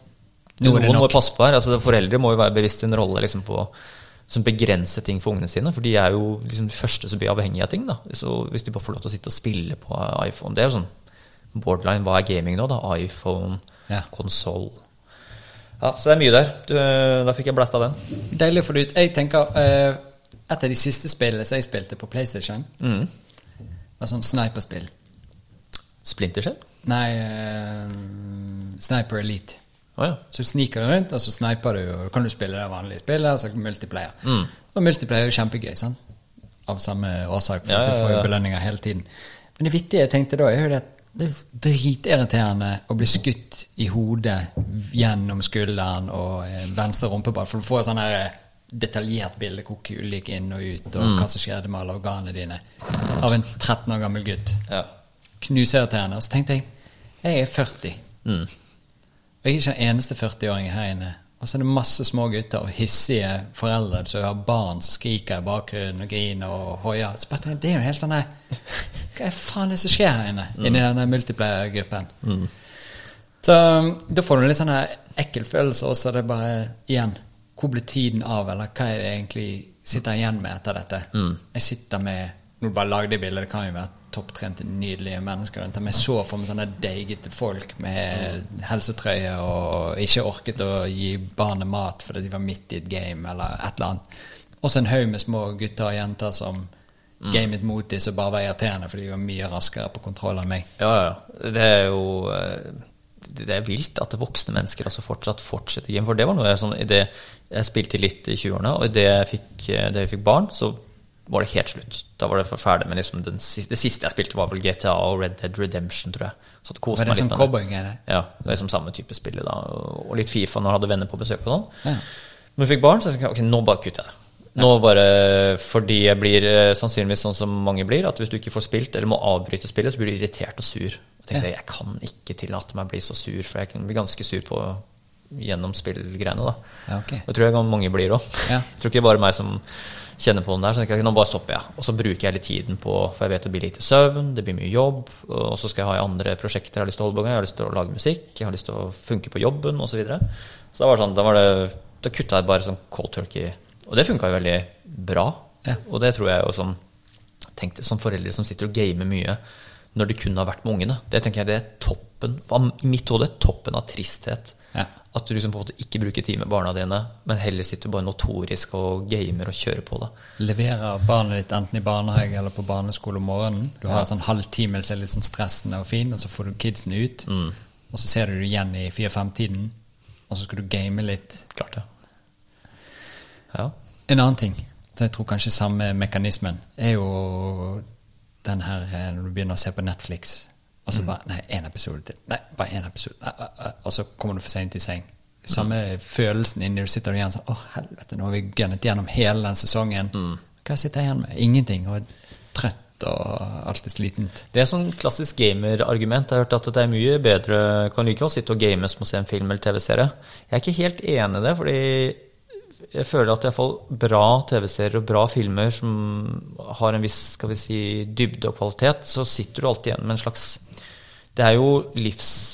God, godt drama er jo livsskildringer satt på spissen gjennom folk som er i pressede situasjoner, og som på en måte ting du kan relatere deg til. Da. Det er liksom ekte mennesker som ikke er ekte mennesker, de er karakterer, men skildrer liksom hvordan livet er. Sånn som du ser de beste TV-seriene, så, så, så ser du egentlig på en måte inn i i livets gåter og utfordringer. Og, og det, jeg, jeg tror alle, alle gode historier og alt godt drama, så sitter du igjen med noe eh, som kanskje kan tilføre deg livskvalitet på et eller annet sånt absurd plan. Da. Om, det måte, om det er bare en komedie, så har du iallfall ledd og kost deg og fått litt eh, gode følelser i kroppen. Og hvis det er liksom en, en spenningshistorie, så har du fått kjent på liksom de og de følelsene. Men jeg tror du sitter igjen med mer, eh, mer utbytte av å se film og TV-serier og drama enn du gjør med spill. Som på en måte er den notoriske eh, repetisjonsgreia. Du kan selvfølgelig trene, altså få treningsutbytte av spilling med reaksjonsevne og alle de greiene her. Ja. Men jeg tror det der med, med film og TV, så tror jeg hvis du ser bra ting, da, som ikke bare er sånn generisk eh, søppel, så er det sånn da, da at du får livslekser og eh, skrevet av eh, forfattere som på en måte har, prøver å skildre livets på en måte ekstremt vonde eh, utfordringer. Da. For, og du kommer til å møte de utfordringene en eller annen gang i livet. Sannsynligvis. Hvis du er ung, så kommer du bare vente på. Du kommer til å få trøbbel på jobben, du kommer til å få trøbbel med, med din samboer, eller din, du kommer til å gå gjennom skilsmisse, kanskje. Du kommer til å ha trøbbel med barna dine. Kanskje du ikke skal kan ikke få barn. Altså, det er nok av ting, liksom, på en måte begredelige Ja. ting som kommer i vente, liksom. Som, du, som på en måte er eh, Ja, jeg syns det er liksom på en måte er interessante innblikk i hvordan verden er, da. Og andre kulturer får du jo en sånn innblikk i ja, til en viss grad gjennom filmer og TV-serier. så jeg tror ikke det, det er ikke helt sammenlignbart, syns jeg. da. eh, med- Nei, men det er den jeg er helt enig i. Hvis jeg da ser én episode av noe, eller to, så har jeg det utbyttet. Ja. Idet jeg kommer på tre og fire og fem, så Ja, da, da, Da sitter jeg egentlig bare akkurat som jeg sitter hjemme med en sånn følelse nå- konsumerer, ja. Jeg skal bare komme gjennom oppgaven vår nå Ja. å bli ferdig. Ja. Så eh, innholdet er der, og muligheten for min å, til å ta det til meg er der. Mm. Men jeg har mistet det i episode to eller tre fordi at jeg skulle være så grisk og se mer. Og egentlig bare gå over i et, en intensjon med å bli ferdig med noe. Mm. Og det er den jeg tenker med, med Netflixen, at det bare blir helt sånn der jeg vet ikke hva som skjer der. Nei, nei. nei. Men det er derfor jeg elsker film og serier, fordi du kan få budskap. Mm. Men når du begynner å binge det og Jeg tenkte litt på det var en dag vi, vi skulle bare kose oss på en søndag. Mm. Så så vi en film på dagen, og så så vi en på kvelden. Og så tenker jeg av og til så når du har sett en film, så du, trenger du kanskje en dag, to dager, for at alt skal falle, falle ned, og at du kan få gå gjennom ting. Sant? Men den Mm. første filmen du har sett, har du bare stoppet i muligheten til å absorbere Mm. Fordi at du begynte å se en annen, og så har du glemt egentlig første film. Og første film var jo kanskje veldig bra, hadde noen gode ting, men du hadde trengt et døgn på å fordøye det. Sant? Mm. Ja, ja. Og den tror jeg du mister også når du bare hiver på mer info, mer info, mer info. mer info. Mm. Så får du ikke absorbert hva som egentlig skjedde, og så sitter du igjen med mindre av det du egentlig kunne sitte igjen med. Mm. Jeg tror det gjelder liksom samme sweet spoten der da, på alt. At hvis du overkonsumerer mat, Yep. kjærlighet, Sex. sex Altså hvis du har sex hele tiden Og det var sånn, det var apropos en kompis av meg som sånn, sånn som en informant da Ja. Og så det, det han sa det var gøy et par uker Men så blir det så jævlig slitsomt For hun vil ha sex hele tiden Ja. Og da blir det liksom på en måte Du overkonsumerer Og du rekker ikke å glede deg til neste gang Før liksom Du får ikke bygd opp begjæret Før liksom Å faen må jeg på igjen Ja, ja, ja Det blir en jobb til. da Ja. Få opp statsene. ja. så overkonsumering, det blir jo, det blir jo utbrent, da. Altså, eller på en måte, du, sånn, med TV-serier og film, i det, så blir det på en måte også, du blir du blir, eh, du blir en sånn passiv konsument. Du bare sånn sitter og bare gaper inn til slutt. bare sånn der, eh, Akkurat som fjerde tacolefsa. Den er ikke god. Du bare jafser den i deg, på en måte. For altså, Ja. Bare for å bli sånn ilandsmett uten sidestykke. Da. Bare sånn, og så bare tenkte du hva faen var poenget med det der, da? Det var jo godt. Jeg var jo på et godt sted. Nå er jeg helt jævlig Ja. så kaster man vekk tiden sin på, på at man ikke finner den sweet spoten. Jeg tror, det sånn, jeg tror man kunne faktisk greid å skrive noe større rundt det der med å finne den sweet spoten på alle ting i livet. Da. Ja. På at det ikke skal være ikke for kort og ikke for lenge. Skal bare dra deg inn i alternativet. Det er yin-yang, mann. Er det yin-yang? Finne Ja. balansen. Mm. Hvis den ene blir for mye, så tar den andre over, og så kan du overkonsumere en ting, og så har det en pris. Det koster noe. Yes. Det koster en ressurs. Sånn som med Har du for mye sol, så blir det jævlig tørt. Altså, det har en pris. Ja. Det går utover noe annet. Yes, det er akkurat det. altså det jeg hører at jeg er på bølgelengde med de asiatiske tenkerne her. Jeg ser det. Du ble så Ja, ja, altså, jeg er også på, på sweet spot på, på sol også. Så er jeg sånn der, Jeg har slutta med solkrem for lenge siden. Ja. Eh, så sier han du skal du slutte med solkrem, skal du ha kreft? Eller hva, hva, liksom, måte, hva, er du, er- tror du ikke på vitenskap og bla, bla, bla? Ikke sant? Sånn. Så, men det, det, beste, det beste beskyttelse for sol er jo skygge. Ja. Så det var sånn, Hvorfor kan du ikke bare sette seg i skyggen, da? Å ja, ja, men det, ja, hvis du tenker sånn, ja. ikke sant? Men ja. nei, folk skal jo være ute i sola i sju-åtte timer, ikke sant? Ja. Som er jo endelig kan være ute, så skal du bare ha alt. Ja. Endelig får du lov å se en serie, så skal du se ti episoder. Ja, og når du først er på stranda, så skal vi være der lenge. Når du Eh, først drikker en øl, så skal du drikke alle de har. ikke sant? Ja, ikke sant? Den der eh, yin-yang eh, det, høres- det er jo bedre sånn som du på en måte Den filosofien der er sikkert ganske mye dypere og bedre sånn, enn min sånn sweet spot eh, Nei, ja, sweet spot, eh, sweet spot eh, filosofi, men det er jo Ja, altså med fylla med, med sol òg, da. Så sånn derre Finn den liksom lille Du kan være i solen, utnytt solen Så ja, tilbake til det vi egentlig gikk før, før på her. Altså litt sånn stoisisme i det. Hvordan Ja. kan du utnytte solen uten at solen holdt tar, å Tar si, tar tak i deg? da Ja. du for lenge i solen, så blir du brent. Ja. Du blir sliten, og du blir sånn uvel, og du får rød hud, og du kan få kreft og alt mulig sånn. Istedenfor liksom, du kan bare bruke solen for det den er verdt. Da. En halvtime, time ute i sola hver dag, så får du vitaminer, du får eh, dagslys og sol i øynene dine. Jeg bruker heller ikke solbriller, for det er som jeg vil ha solstråler i, inni øyet. Ja. Så det er sånn Soler eh, du skrukken da? Det har jeg faktisk til gode å prøve ennå, for jeg har ikke Det er Har prisen ikke skrukk. Jo, skrukk har jeg. Okay. ok. Masse skrukk. Altfor mye skrukk. Jeg har veldig mye greier inni der, så jeg må få undersøkt når du sier det. Men eh, jeg skulle gjerne gjort det det. Ja, gjerne. Det å bo i sameie, da, eh, det gjør det vanskelig i første etasje. Gjør det litt vanskelig Ah. å få solskrukke. Jeg bodde fjerde etasje før. Der var det fullt mulig. Men eh, min gode venn Thomas Trapp Huse, aka Pimplotion, han eh, har jo veldig inn på det. Han tror han har prøvd å sole skrukke litt. Ja. Så han er veldig inn på å prøve ut veldig mye nye ting. Da. Så han, eh, jeg vet ikke om han har fått noe sånn nevneverdig ut av det, men du blir veldig fort solbrent. Da, så jeg tror du skal være litt sånn forsiktig med det. Men det er jo litt gøy også, for jeg er jo en sånn fyr som ikke bruker solkrem. Mm. Og har egentlig aldri gjort det. Får alltid kjeft. Ta på deg solkrem, og uh, alt går til helvete. Ja. Men det er jo også det der hvis du skal øh, løpe maraton, eh, så kan du bare møte opp og løpe maraton, men så kommer du sikkert til å skade deg, eller at det blir ikke en god opplevelse. Mm. Så hvis du skal begynne å sole deg, så ikke begynn Med maraton. med maraton i sol. Begynn litt og litt. For Ja. alle ting, alle stressår som kroppen blir utsatt for, er jo stressord fordi at kroppen prøver bare å tilpasse seg det du ønsker å bruke den til. Så hvis du ønsker å være ute i dagslys, som det ser ut som menneskene har gjort noen år på denne kloden, så må vi bare øve. Men hvis vi da går ut og øver og tar på solkrem, så øver jo ikke vi. Da sykler vi fortsatt rundt med støttehjul. Og så den dagen du skal sykle, så tryner du den. Og det er det jeg tenker, at ikke vi tenker mer på det.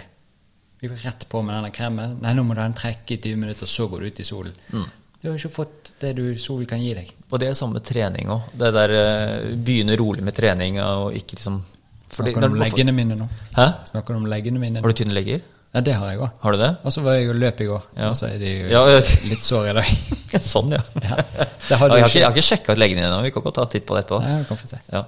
Nei, det, er det med trening, da. Det er jo spesielt folk skal gjøre comeback og ikke har trent på fem uker eller fem måneder eller fem år. Så skal sånn, ja faen, nå skal jeg komme i gang igjen, bare dundre på. Gå rett ut i skade eller et eller annet sånt drit. Eller at du blir, du blir så sliten eller du overtrener så mye at du mister lysten på å trene igjen. Ja. Så det er sånn på en måte sånn derre Det er veldig kontraintuitivt å trene veldig lett og lite hver dag. Fordi jeg tror kanskje det tar mye tid, eller at på en måte jeg får ikke noe utbytte av hvis det ikke er liksom, det er skikkelig altså Gutter skal trene hardt, de kan styrke, makse på. Eh, masse manualer. Og, liksom, ja, det, det bygger volum, men det bygger også veldig sånn, høy risiko for skade. Da. Og som dundrer på med å løpe mil eller to mil, ikke har løpt på dritlenge, så får du et eller annet problem med knærne eller hoften eller ryggen ja, med en gang. Og det er samme sweet spoten. Sånn der, eh, finne liksom på en måte ikke for mye og ikke for lite med trening. Da. Og, og viktig liksom når du Ja, der bommet jeg på formkurven. Ja. Ja.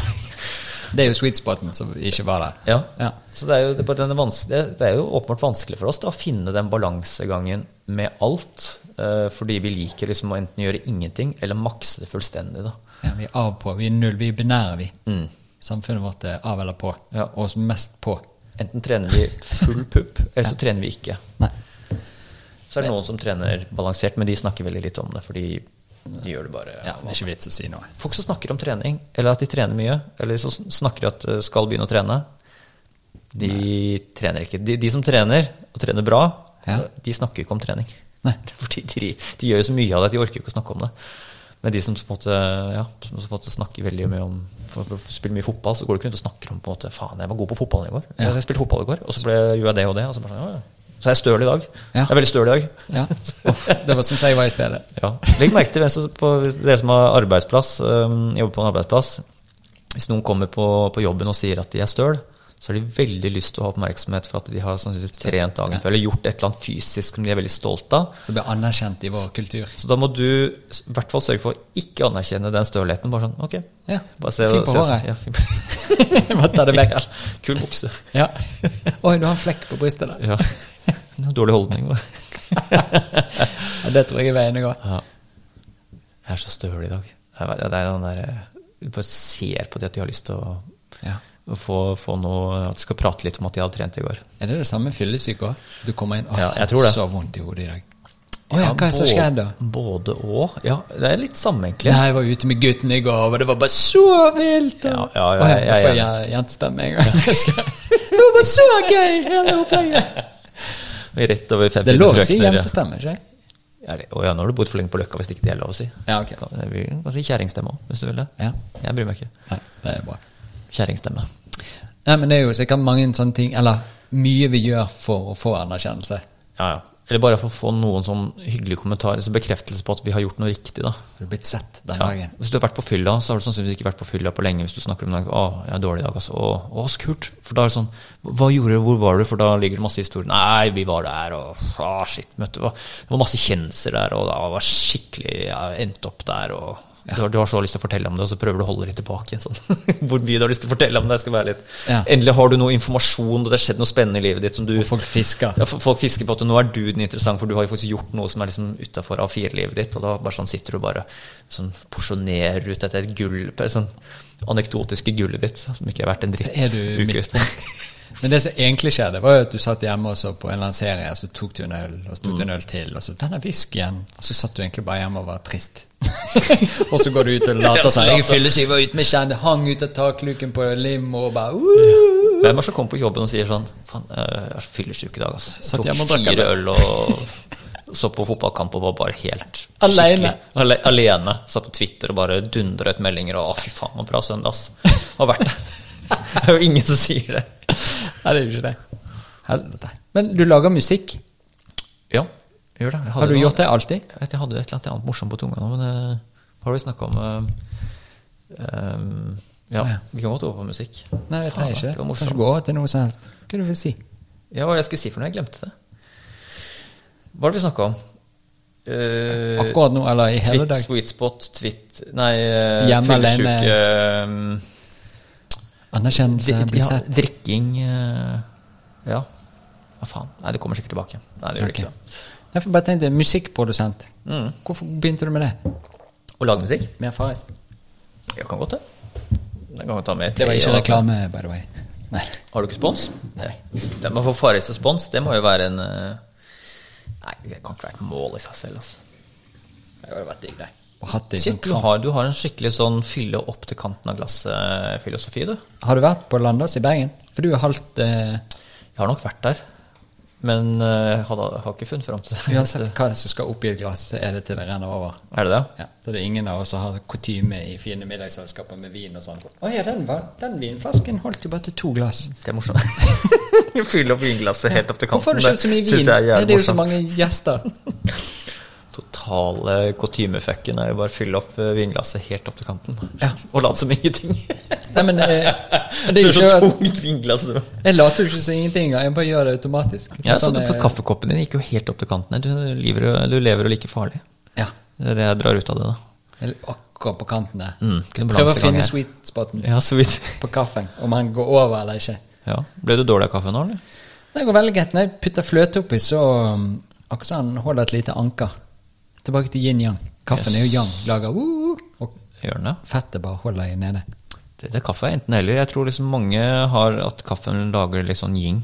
At den på en måte uh, slapper liksom at nå kan roe ned, roe ned litt det her uh, eh, irritasjonen, morgenirritasjonen, og noen er veldig trøtte. Ja. Tror jeg kaffeeffekten eller koffeineffekten er for mange, da. Og da tror jeg kanskje kaffe har vært for mye i livet ditt. Mm, ja, jeg tror det. Jeg Hvis det er den som løser det. jeg hørte på en podkast på hit fra Andrew Huberman at uh, det er en, Huberman? han er sånn um, En forsker som Huber. uh, Huberman. Støvsugerprodusent. Ja, har egen podkast. Han forsker på søvn, uh, jern, uh, pust, eh, masse forskjellig sånn forskningsbasert, da. Så det er ikke noen bro science-type. Han forklarte, nå skal jeg selvfølgelig gjenfortelle her, det går sikkert til helvete, men at det er, um, det er et stoff som bygger seg opp i kroppen som gjør at vi blir adeso- acidosin, eller et eller annet sånt. Eh, og det, det molekylet gjør at bygger seg opp eh, utover dagen, og det er det som gir deg tretthetsfølelse. Ja. Eh, sakte, men sikkert. Så hvis du har fått mer og mer av det, jo lenger ut på natta, jo mer sånn at det, stoff eller molekyler får du da i kroppen. Men når du, da, når du da drikker koffein, så er det som en parkeringsplass. Da tar koffeinet den parkeringsplassen for det molekylet eh, og fyller opp de parkeringsplassene. Oi. Så du, våk, du våkner opp på en måte og mister den søvngreia. Så det er liksom litt den effekten koffein har for mange på morgenene. At du, som derfor du føler deg våken og kvikner til. Ja. Men som da igjen også på en måte Fins det en naturlig måte å gjøre det på enn å dope seg ned med koffein? Som er også mye sånn der Hm, interessant. Fordi idet koffeinet forsvinner, effekten av koffein forsvinner, så får du en liten dipp, en liten nedtur. Som Ja. du ikke ville gjort hvis du har faktisk lært deg å beherske det her eh, med naturens egne, eller, eller kroppens egne på en måte, virkemidler. da. Finne sweet spoten. Sweet spoten der, da, sannsynligvis. Men er det det som skjer da, da fordi at du har parkeringsplassen, og så sniker koffeinen seg foran den andre. Ja. Og vi vet jo alle det at når noen sniker inn foran deg på parkeringen, så blir du jævlig irritert. Og så plutselig så drikker ikke du koffein lenger, så har du masse biler som er knuseirritert og prøver å finne parkering, og så er det totalt kaos. Og så er du nødt til å drikke kaffe igjen for bare for å fylle opp, sånn at de bare står og er litt irritert. Ja, kanskje. Det var en fin analogi.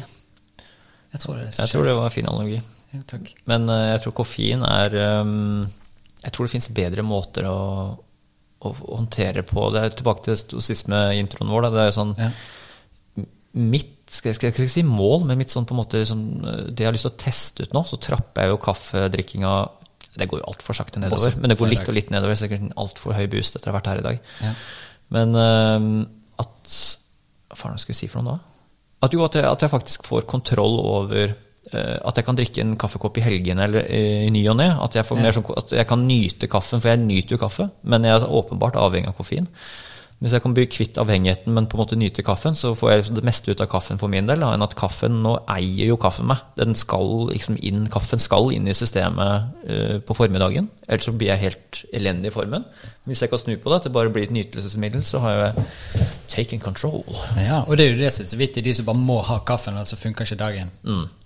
Det er jo ikke en sunn ting. Det er jo det. Ja, det er jo total addiction.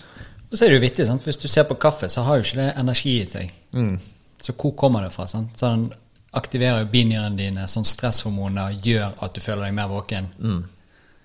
Ja, vi må finne noe annet å putte i den parkeringsplassen enn den der adeso... Ade, Adesol. As- Asesol- Asshole. som Asshole kommer inn sin. Ja, det er molekylet, ja. ja.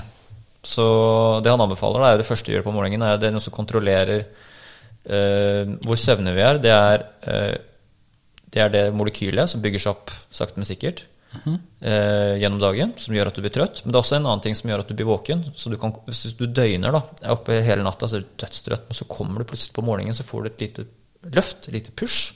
Selv om du har veldig mye av det molekylet som gjør at du vil sove. Men det som gjør at du får et lite løft når morgenen da kommer, er dagslyset som gjør at det er lys. eh, Du har en indre klokke som er på alle, altså alle levende si, dyr, eh, ja, mennesker og dyr har en indre klokke som, er, som går på, på døgnet, som er styrt av etter lys. Så idet liksom du får sollys eller dagslys, så, så vil den klokka gjøre at du eh, settes i gang, og at du våkner og får tilført et sånt eh, Hva heter stoffet igjen? Det skal jeg ikke si, for da sier jeg feil. Men det stoffet da setter i gang at du faktisk får en sånn oppvåkelsesprosess. Så da er det en total krig. Det er derfor du føler deg så rar på morgenen etter å ha døgna. At du er sånn Du er både litt sånn får den der Oi, nå våkna jeg litt igjen. Men kroppen er sliten og trøtt. Så det er sikkert en sånn sinnssyk krig inni kroppen når du For du har jo denne her stresshormonet kortisol, som øker og synker gjennom døgnet. sant? Det var det jeg skulle si. For Ja. det er sånn uh, Det var den du var ute det- etter. det- tenkte jeg ikke nå skal jeg tøffe meg og si at Kortisolet det. er det som eh, Ja, det skiller jo ut mange ting òg, men det, når det kortisolet da uh, skilles ut via lys, da. Ja. Og da er det jo spennende å se. For når du, går og legger deg, så er kortisol på det laveste. Mm. Venter du for lenge, så er den på vei opp for å gjøre seg klar til morgenen at du skal våkne. Yes. Så når du er sånn åh, nei, nå er jeg trøtt', og så ventet du en time, så er du bare plutselig våken. Så har du hoppet på den der heisen opp, og så blir ting litt styrte. Men så er det jo vittig, for når du da kommer til morgenen, og kortisolet er oppe og pumper, så hiver du inn kaffe som øker kortisolutskillelse, og så blir du enda mer våken, men så blir fallet enda større. Så må Ja. du ha en kaffekopp Ja. til, og Ja. så er festen i gang. Mm. Ja, dette, her, dette kan du bra, hører jeg. Det, mm, det, det høres veldig riktig ut i forhold til eh, han eh, støvsugerprodusenten, Ja. Og da ser vi f.eks. når jeg hjelper folk med å behandle dem med søvn eller stress eller andre ting, sånn, så er du, du har en stressord som er naturlig som er kortisolet. For det, stress er ikke negativt hvis det skal hjelpe deg med noe. Så den skal bare få deg til å våkne. Men så hiver vi på mer stress, og så bare woo, så blir vi enda mer stress, så kommer vi på jobb, og så får vi oppgaver, og så kan det bli litt styrete. Ehm, så derfor ved å vente med å drikke kaffe til kanskje sånn ni-halv ti, når kortisolet begynner å dyppe, og så kan du lage deg en liten sånn, og så kan du holde den gående til, eh, til du skal gå og legge deg igjen, istedenfor bare hive mer eh, bensin på bålet. Mm. Men det kortisol, altså hva er det det skiller ut igjen? Eh, Det, altså det, mm, det kan gå over i dopamin, kan det ikke det? Og i, eh, eh, Ja, hva var det han sa for noe, da? Dette må jeg jeg forklare ting. Det, det, det, sitter i huet, men det kommer, jeg greier ikke å forklare det. Så det er så Ja, dette med hormoner er eh, Det er ikke enkelt. Nei, det er ikke enkelt. veldig spennende, interessant. Og det er jo sånn, du kan jo ikke noe før du kan forklare det. Så her må jeg inn og Vi kan gjøre det ikke. Og jeg skal ikke si noe akkurat nå, for nå følte jeg at eh, da ble det bare rot. Ja. Men det, er derfor, det kaffegreiene er jo da også spennende fordi at eh, jeg tror ikke vi er klar over hvor mye det påvirker oss. Eh, Mm. Kanskje Det positive har vi skjønt, men kanskje det negative har ikke vi skjønt i det hele tatt. Men du er litt heldig da som ikke syns det smaker så veldig godt. Eh, At du får mer en rus enn For jeg har det motsatte. Jeg tenker ikke så mye på, på den rusen, med mindre på en måte, det, det bare smaker godt. Kanskje jeg er liksom som alkoholiker på det. At jeg driter i rus, men det bare jeg vil ha ølsmak. Ja, men jeg føler kanskje jeg er litt mer alkoholiker enn deg, da. For jeg sitter og drikker rød sprit i parken. Det smaker helt jævlig, men jeg skal bare Ja, sant. Blir ruset. Ja, jeg er enig. Så jeg tror kanskje jeg er verre stilt enn deg. Hmm. Så jeg må passe på det, at ikke kaffen tar eh, kontroll over livet.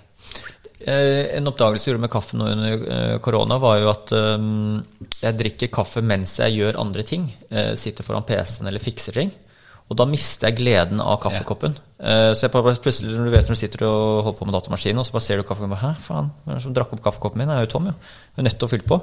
Så kan du ikke ta en ny kaffekopp da. Altså, du, gjør jo det. Du tar jo mer kaffe.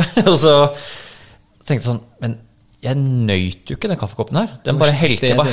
Nei, jeg husker jo ikke på en måte opplevelsen eller sensasjonen av den kaffekoppen. Så jeg sånn, ok, nå har jeg lagd meg en ny regel. Heretter skal jeg kun drikke kaffe når jeg ser ut eh, av vinduet, eller ikke gjør noen ting, fordi jeg må fokusere på, på gleden av å drikke kaffekoppen. Og da får du en mye bedre effekt også, på en måte et, eh, både sånn som et ritual, eh, smaken, og du på en måte blir et gledesøyeblikk du kan glede deg til, da, bare så- sitte på og gulper innpå. Sånn drikker jeg kaffe. Det høres jo ikke bra ut. Men. Nei, ikke det. Så ikke så bra ut heller for de som får- får gleden av å se det der på video. Nei, og det er jo litt vittig, for dette hjelper av og til noen med å slutte å røyke, eller eh, kutte ned på eh, usunt eh, sjokolade- og kakespising, og hva det måtte være. Også kaffe, for det er akkurat det vi går gjennom. Det, er det at Istedenfor at du går rundt hjørnet og føler litt skam, eller prøver å gjemme deg, og så bare sigger du fortest mulig, og så går du inn igjen, og så uh, Ja. later du som ingenting. Så skal du heller bare ta den siggen, åpne pakken, se ned på de her flotte siggene, lukte litt på de, snuse litt, eh, sitte deg ned, slappe av, lage et ritual av det, se litt utover i horisonten, slappe av, få nervesystemet til å lande litt, tenne siggen, og så sigger du én. Ja. Og så nyter du hvert eneste trekk. Så plutselig sigger de mindre. De har ikke denne kjedesiggingen. Ja. For Det det, er sånn blir samme det prinsippet samme som med med, kaffe. med kaffen. Og Ja. det samme med sjokolade. Istedenfor at du kjøper den store, deilige Walters mandler-greien, og så bare gønner du hele greien. Mm.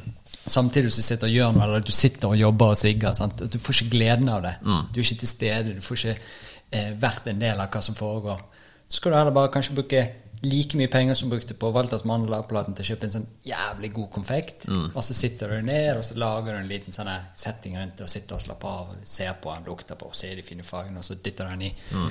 Og jeg sånn der eh, Det tar jo ikke den der eh, Hva vil jeg si fysiske eh, avhengigheten hvis man har en avhengighet, men du endrer eh, intensjonen med hvorfor du sitter og holder på med disse tingene. Og så kan folk begynne å kontrollere det hvis de har mulighet til det med å endre mønster i når de gjør sånne ting. Mm.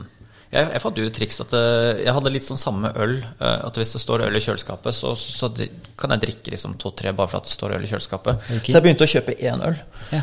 Det ser jo ikke bra ut på butikkbåndet, men jeg kjøpte én øl. Sånn type jeg hadde én øl etter trening. da Og den første ølen er jo som den første kaffekoppen, som sikkert altså den første røyken til uh, Skuddet. Første skuddet til første ligget, holdt jeg på å si. Eh, Så det, på en måte, den er jo det alt det beste. Så da, og det gjorde, jeg, det, gjorde jeg det med sjokolade også, for det er sånn der at med sjokoladebar så går jo hele i løpet av en kveld. Så jeg begynte å kjøpe sånne små, den eventyrsjokoladen. Ja. Den er jo ganske liten, da. ja. Så jeg hadde jo bare det. Og så hadde jeg sagt til dama vi skulle ha besøk. da, Jeg tror vi skulle ha sånn kaffebesøk eller et eller annet sånt. Så hun husk å kjøpe litt sjokolade til kaffen. Så jeg bare ja, ja, ja. Da hadde, da ble, Hun snakker om det ennå, at det er den flaueste hun har vært borti. For det er sånn, Skal vi ikke by på litt sjokolade til gjestene? Ja, ja, det har jeg. Så brakk jeg opp en sånn eventyrsjokolade i fire biter. Så det er sånn de minste bitene.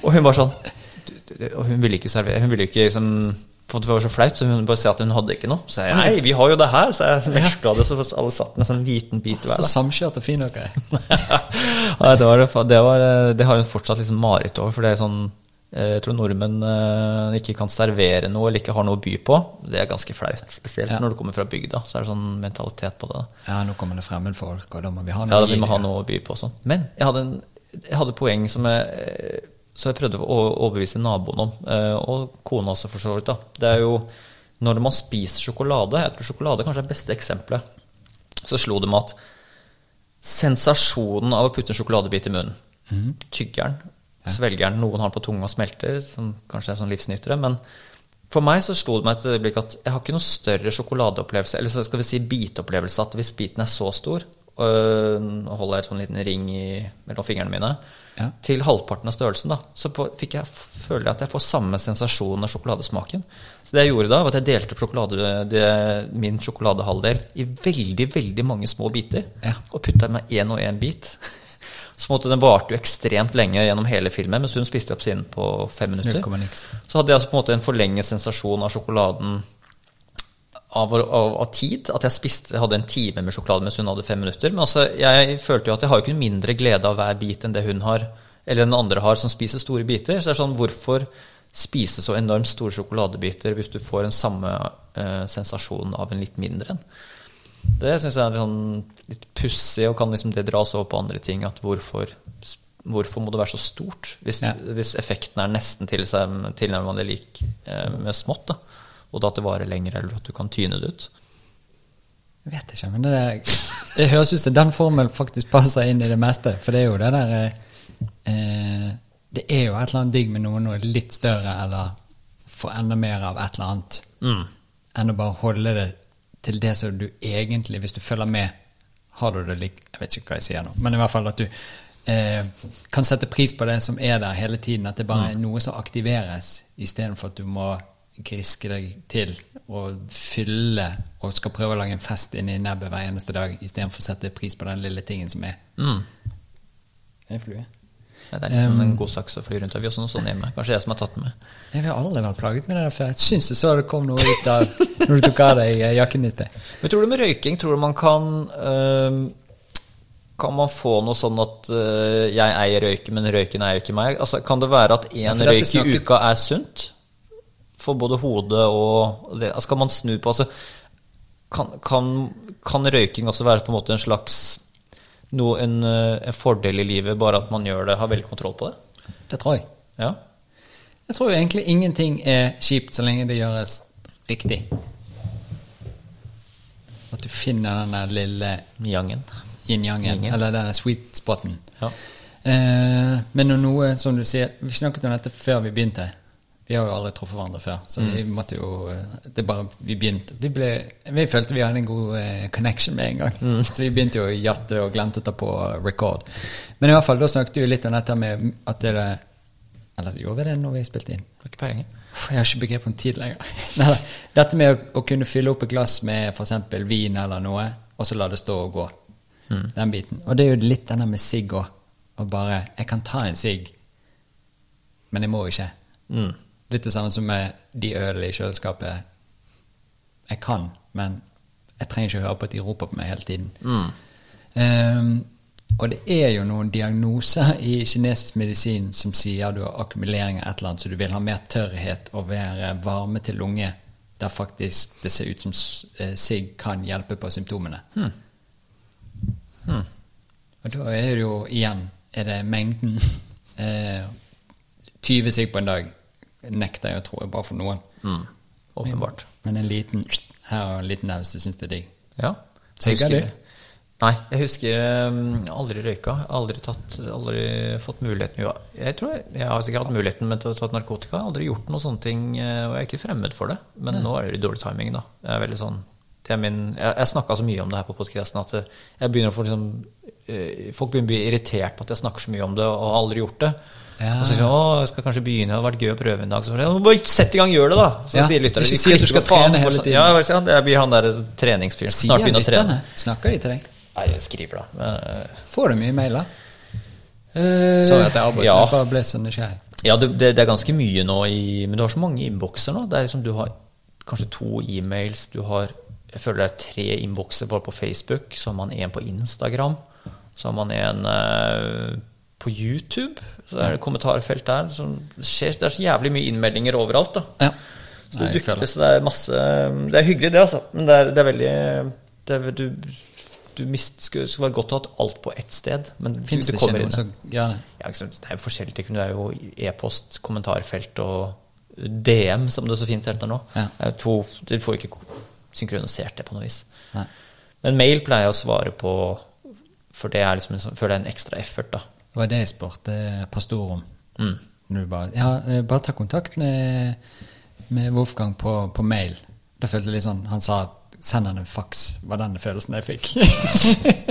Men det er greit, det er jo meg. Men Mm. det du skulle snakke om, var jo eh, eh, et eller annet. Røyk? Sigg? Nei, narkotika. Du har masse gjester så, Ja, ja, ja, ja. sånn og sånn, og du har ikke og, Ja, det var lytteren som klikket på at du alltid snakker om at du å prøve um, ecstasy, eller det har vært gøy å prøve et eller annet uh, Noen av de stoffene der, da. Uh, men hvor faen skal jeg få tid til det? Det passer jo ikke inn i livet, og orker ikke Orker ikke det nå. Men uh, Nei, det, det er jo fascinerende. Det er jo, men det er jo også det å ha kontroll på det greiene der, da. Det er jo ekstremt mye gateway til det ene og det andre, det greiene der. Og, sånn, og Eh, Nå lever jeg ikke noe utagerende, så på en måte jeg ville sikkert ikke Jeg ville blitt mye mer sånn Skal vi si eh, intellektuell inngang på det. Ja. en, enn eh, en sånn eh, festeinngang på det. At du skal liksom få det på jævlig bra rus på en fest. eller noe. Jeg ville vært mye mer sånn hva skjer med huet, og kanskje sitte med Ja. notatblokk og bare Hei, hva skjer nå? Så Ja. vært litt mer sånn analytisk på det, da. Eh, Men eh, nei, jeg har ikke prøvd noen ting. Altså, Men du er nysgjerrig? ja, jeg syns alle, alle rus er nysgjerrige. spesielt med liksom de aspektene som når folk forteller om at spesielt sånn sopprus og psykedelia sender de inn i på en måte sånn eh, parallelle virkeligheter hvor de begynner å, å kan snakke med seg selv og ting der ute, og at man man føler, at natur, føler seg tettere på naturen, på perfeks, perfeks, naturens perfeksjon. Er sånn, og at det gir dem eh, på liksom helt nye aspekter, og sånn at de føler at det er noe ut av seg sjæl-opplevelse som er bare sånn fascinerende. Det er så mange som historier av det, og det er så veletablert at det er noe der som, som Hvorfor reagerer hjernene våre og kroppene våre på den måten som de gjør? At det kunne bare vært at vi bare ble svimle og, og høye og bare og og det føltes godt, men det er ofte sånn folk finner veldig mye dypere sensasjonelle opplevelser i det. Så bare sånn, Hvorfor skjer det? Det syns jeg er veldig interessant. da. Så hvorfor, hva, hva er det med disse psykedeliaene og, og disse opplevelsene? Er det liksom på en måte en, en, noe forhistorie som vi har glemt eller neglisjert, som, som vi burde gjenoppdage? Det er Ja. min sånn første tanke, da. Ja. Er det Har du eh, Dukket dette bare opp som fordi at du var nysgjerrig? Eller, eller bare kom det sånn at når gjester satt og snakket, så bare sa de det? Nei, det er vel en blanding av alt fra podcaster jeg hører på, til ja, gjester også. Jeg hadde jo en sett Andreas Bjerve, som er en av de siste episodene ute nå, som snakker veldig mye om det her, som var en Ja. sånn hard science-dude. Og så prøvde han seg opp, og han bare sånn Å, faen, alt, alt jeg visste, er feil. Ja. Her var det noe på en måte helt som bare brøyt med alt han hadde av forståelse av fysikk og fornuft og rasjonalitet. Så var bare mm, bare dette her Dette må jeg bare utforske videre, for det her, dette her var helt sprøtt. Men hvorfor ikke? Har du fått barn? Ja, jeg har to barn. Ja. Så det Hvor gamle er de? fem og åtte. Ja. Så mm, Nei, altså det alt, alt jeg gjør i livet mitt, er eh, med de i bakhodet. Så, måte, Ja. så jeg tenker oppsider og nedsider. Hvis jeg tar ruser meg med psykedelia, har det en oppside, har det en oppside for barna mine? Nei, de har veldig lite utbytte at jeg gjør det. Kan være vittig for hvis du står og snakker med blomster eller et eller annet. Ja, De kan få seg en god latter. Ja. Men faktisk, det, sånn jeg, jeg, hele mitt liv er styrt etter eh, barna. Sånn i bunn og grunn, sånn helt, hvis du går på sånn fundamentalt nivå, så er det sånn Hvorfor spiller jeg for, fortsatt fotball? Jeg kan bli skada, bli masse skada og ligge på sofaen og noen ganger må operere og ille sånn, men fotballen gjør at jeg ventilerer, jeg, blir liksom, jeg føler jeg blir et bedre menneske av å spille fotball, for jeg, der kjefter jeg, skriker og får ut masse aggresjon. Så det på en måte har en sånn bieffekt overfor familien, at jeg blir veldig rolig ellers. Og Ja. så driver jeg med musikk. Det er både sånn eh, Det er gøy å drive med det, og de er interessert i det, pluss at det, liksom, økonomisk sett så kan de overta mine royalties når de eh, vokser opp, at det er liksom en mer effekt av det. Og samme podcasting, at det også på en måte er ting de kan eh, høre på, eller de kan også hente penger av det på en måte i fremtiden i form av royalties. At det også Oi. gjør livet mitt på en måte mer interessant å drive med. At det altså kan gi dem mer input. Og det som, så rettferdiggjør skal jeg si på en måte litt confirmation bias-aktig, men altså, alt jeg gjør i livet mitt, er Bortsett fra det intervjuet her, kanskje. Er, har en oppside for, eh, for eh, jentene mine på en eller annen måte, da. Eller i vår liksom, på en måte connection. Så det er sånn spesielt tidsbruk. Så sånn der, øh, så er det sånn på en måte bruke helger på å reise bort, eller gutteturer. Det er helt, det gidder jeg ikke. Uaktuelt. Liksom, det er jo ikke noe oppside for det i det hele tatt, med mindre vi trenger pause fra hverandre. Hvis det er oppsiden, så Eller at du må blåse ut et eller annet, sånn at du Ja. er roligere eller at de er drittledere. De har jo lyst til å gjøre noe annet som er gøyere å være med, overnatte hos noen, dra på en ferietur eller overnatte hos noen venner. Så er det, sånn at da er jo det oppsiden deres, liksom. Så det er, det er rart, liksom, hvordan eh, I hvert fall for min egen del. Det er ikke, alt, det er ikke alle som tenker sånn. Det er veldig mye gutter har jo mest lyst til å komme seg bort fra familien sine. Jeg kjenner flere som bare sånn venter på kommer en jobbtur eller en guttatur så at de bare kan få fri. Ja. Men for meg er det Jeg vil aldri ha fri fra ungene mine. da Jeg vil ha mest mulig tid. For det er det man glemmer da når man står i det, er at barn er barn så fryktelig kort tid. da Det går så fryktelig fort. Det er klisjeen i alle sånne taler. og sånt også. Herregud, det går så fort med, med deg så liten. Og, og når du liksom, nå er du voksen, og nå er du myndig, og bare Hvor ble det av tida? Og det er Ja. Den klisjeen sier alle. Ja. Og du merker selv og bare sånn Faen, er de 85? Hva i helvete ble det av tida, da? Og den, den lille perioden hvor du har barn, er så fort over, og den, den tenker jeg sånn Ok, alt annet, alt annet kan vente til de når de er 13-14 år, så er ikke de interessert i meg lenger. Da trenger jeg å tenke mindre på det, bare at de er på rett kurs og ikke har dårlige kjærester og drar narko og sånt. ikke sant? Så det, Ja. så det er jo det, det, det er min sånn uh, barneforeldrefilosofi, da. Men er det noe du måtte øve deg inn på, eller bare gikk det en bryter i det du ble far? Ja, for min del skjønte jeg vel bare sånn jeg, tenk, jeg tenkte aldri på barn før jeg fikk barn. Og jeg på en måte kunne ikke sitte og høre på andre sitte snakke om barn, for det var det kjedeligste jeg visste om. Ah, ja. Og det er sånn, Jeg prøver jo ikke å snakke så mye om barn med folk som ikke har barn, for jeg visste jeg var totalt uinteressert i det. Mm. Helt til liksom Helt til fødsel. Altså til og med liksom, kona gikk gravid og sånn, så var jeg sånn totalt Jeg orker ikke. Jeg, nei, forholdt meg ikke til det. Jeg gleda meg. Det var sånn, var, var ikke sånn at jeg grua meg, eller, men jeg gleda meg ikke. Sånn, det så ikke noe fram til det. Ja. Og så um, er dagen der, og så begynner du bare sånn hm, Nå skal jeg ratte livet mitt på en måte litt bedre. Men det var du tenk, Jeg tenkte ikke noe over det før man liksom står overfor um, Ja, rett og slett på at Jo, du, du merker det egentlig fysisk. Jeg tror du, jeg lærte det. Det var ikke noe, som- det var ikke noe filosofi som kom uh, kom som en sånn uh, gratispakke. Det var rett og slett var for eksempel på utdrikningslag eller gutteturer eller jobbturer så var det føltes totalt meningsløst. For jeg hadde mye mer lyst til å være hjemme liksom, på en måte og ta noen bilder av det nurket, eller bare ta en del av liksom, på en måte, litt ta byrdene eller et eller annet sånt. Bare sånn, ja, liksom, for, det var liksom, for meg var det ikke Det var slitsomt, det var liksom lystbetont. Så det bare sånn, faen, dette her Jeg har ikke lyst til å være her. Altså, hvorfor gjør jeg disse tingene her? Ja. Og da tenkte jeg sånn at jeg har jo Da tenkte jeg liksom da, ok, men det har jo ikke noe Hvis de tingene jeg gjør, behagelig eller ubehagelig, bør liksom resonnere et eller annet med at eh, jentene får noe utbytte av det, en oppside eller nedside som så det var, det var liksom det var, Jeg tror bare som man finner ut og lærer, og alle er jo ikke like. da, så det er jo ikke alle som har, Noen er jo ikke interessert i barna sine liksom, på, på samme måte, og noen er liksom veldig, kanskje for mye og skal liksom følge de opp og gjøre idrettsstjerner ut av de, Noen har lyst til å lage genier ut av de, noen følger opp alt for mye og liksom Ja. for tett på, at det liksom blir slitasje. og liksom, Alle er forskjellige der, da. Eh, Forma, forma de for mye. Ja, og noe, det finnes jo til og med mange mødre her ute som på en måte ikke liker verken barna sine eller liker å være med dem. Og liksom på en måte, sånn er det jo. Hvis du ikke har det instinktet, eller følelsen, så kan du ikke fake det heller. Så det er sånn, jeg bare krysser fingrene at du har en far som kanskje som ja, utligner deg litt, eller noe sånt. Ja. Wow. Gleder du deg til å få barn, eller? Eh, nei, jeg har jo tenkt litt sånn at trenger jeg det? Og så sier jo alle at ah, det er det mest fantastiske som har skjedd. Men det virker ikke alltid så fantastisk fra utsiden. For det virker jo til, til mye styr og baluba. Men når du forteller det litt sånn uh, Jeg skjønner jo dette er noe i deg som blir slått på.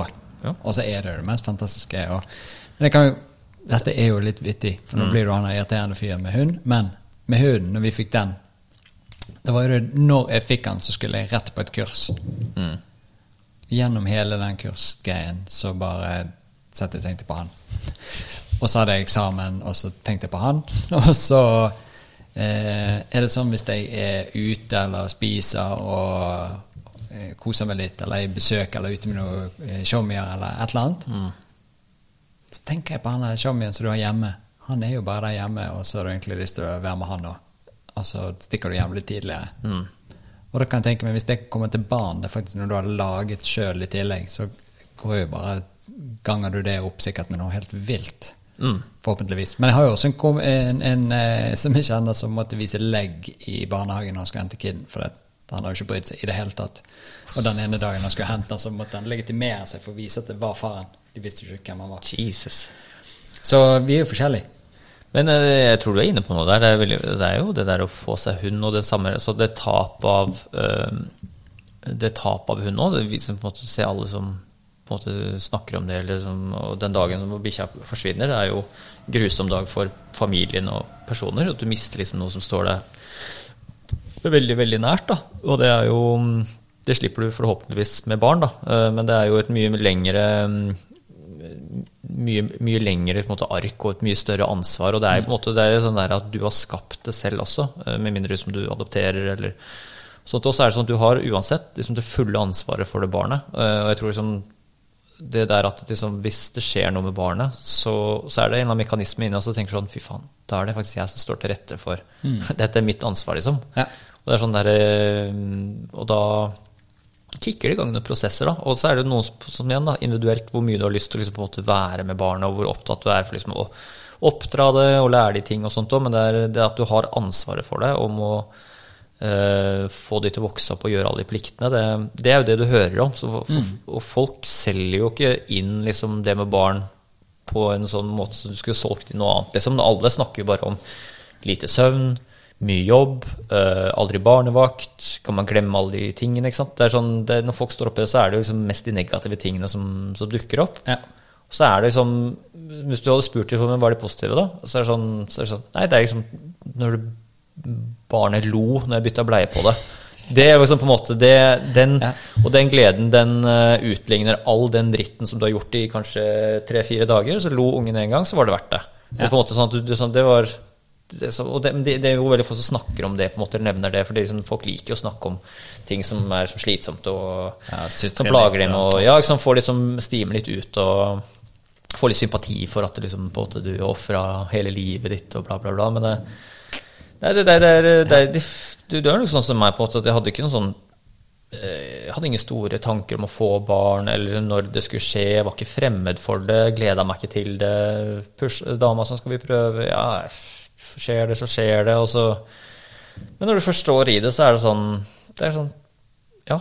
Det er, tenk hvor mange generasjoner over oss som på en måte har gjort det. Altså, det er, eh, og det er liksom sånn med den, med den bikkja det sånn, eh, det er vanskelig å se for deg at du skal få noen sterke bånd til en sånn dum hund som løper ut på gater og ser noen andre sine hunder. Bare sånn, åh, Drar rumpen ja. sin bortover plenen. Ja, og- driter, og, sånn, og, og de drar i det, og de er oppe klokka halv sju om morgenen, og masse hunder som er stygge, han ser faen ikke ut. Og så er det mange, noen søte hunder og sånt. Og så, så hvorfor skal jeg gidde med hundegreiene her? Men det, det er eh, Anbefaling til alle unge er jo, som snakker om at de ikke vil ha barn, som har bestemt seg for det. Det tror jeg er en Altså bestemme seg ting, være dogmatisk i ung alder, kanskje i eldre alder òg, det tror jeg er veldig veldig dumt. Liksom, fordi du forandrer deg konstant. Da. Og du, altså, på en måte, det å få barn gjør at du også forandrer deg instantly. I hvert fall gjør jeg da, sånn, eh, og lærer også tingene. Du, du, vi tror vi vet hvem vi er, og så blir vi satt på prøve, og så plutselig forandrer vi oss totalt.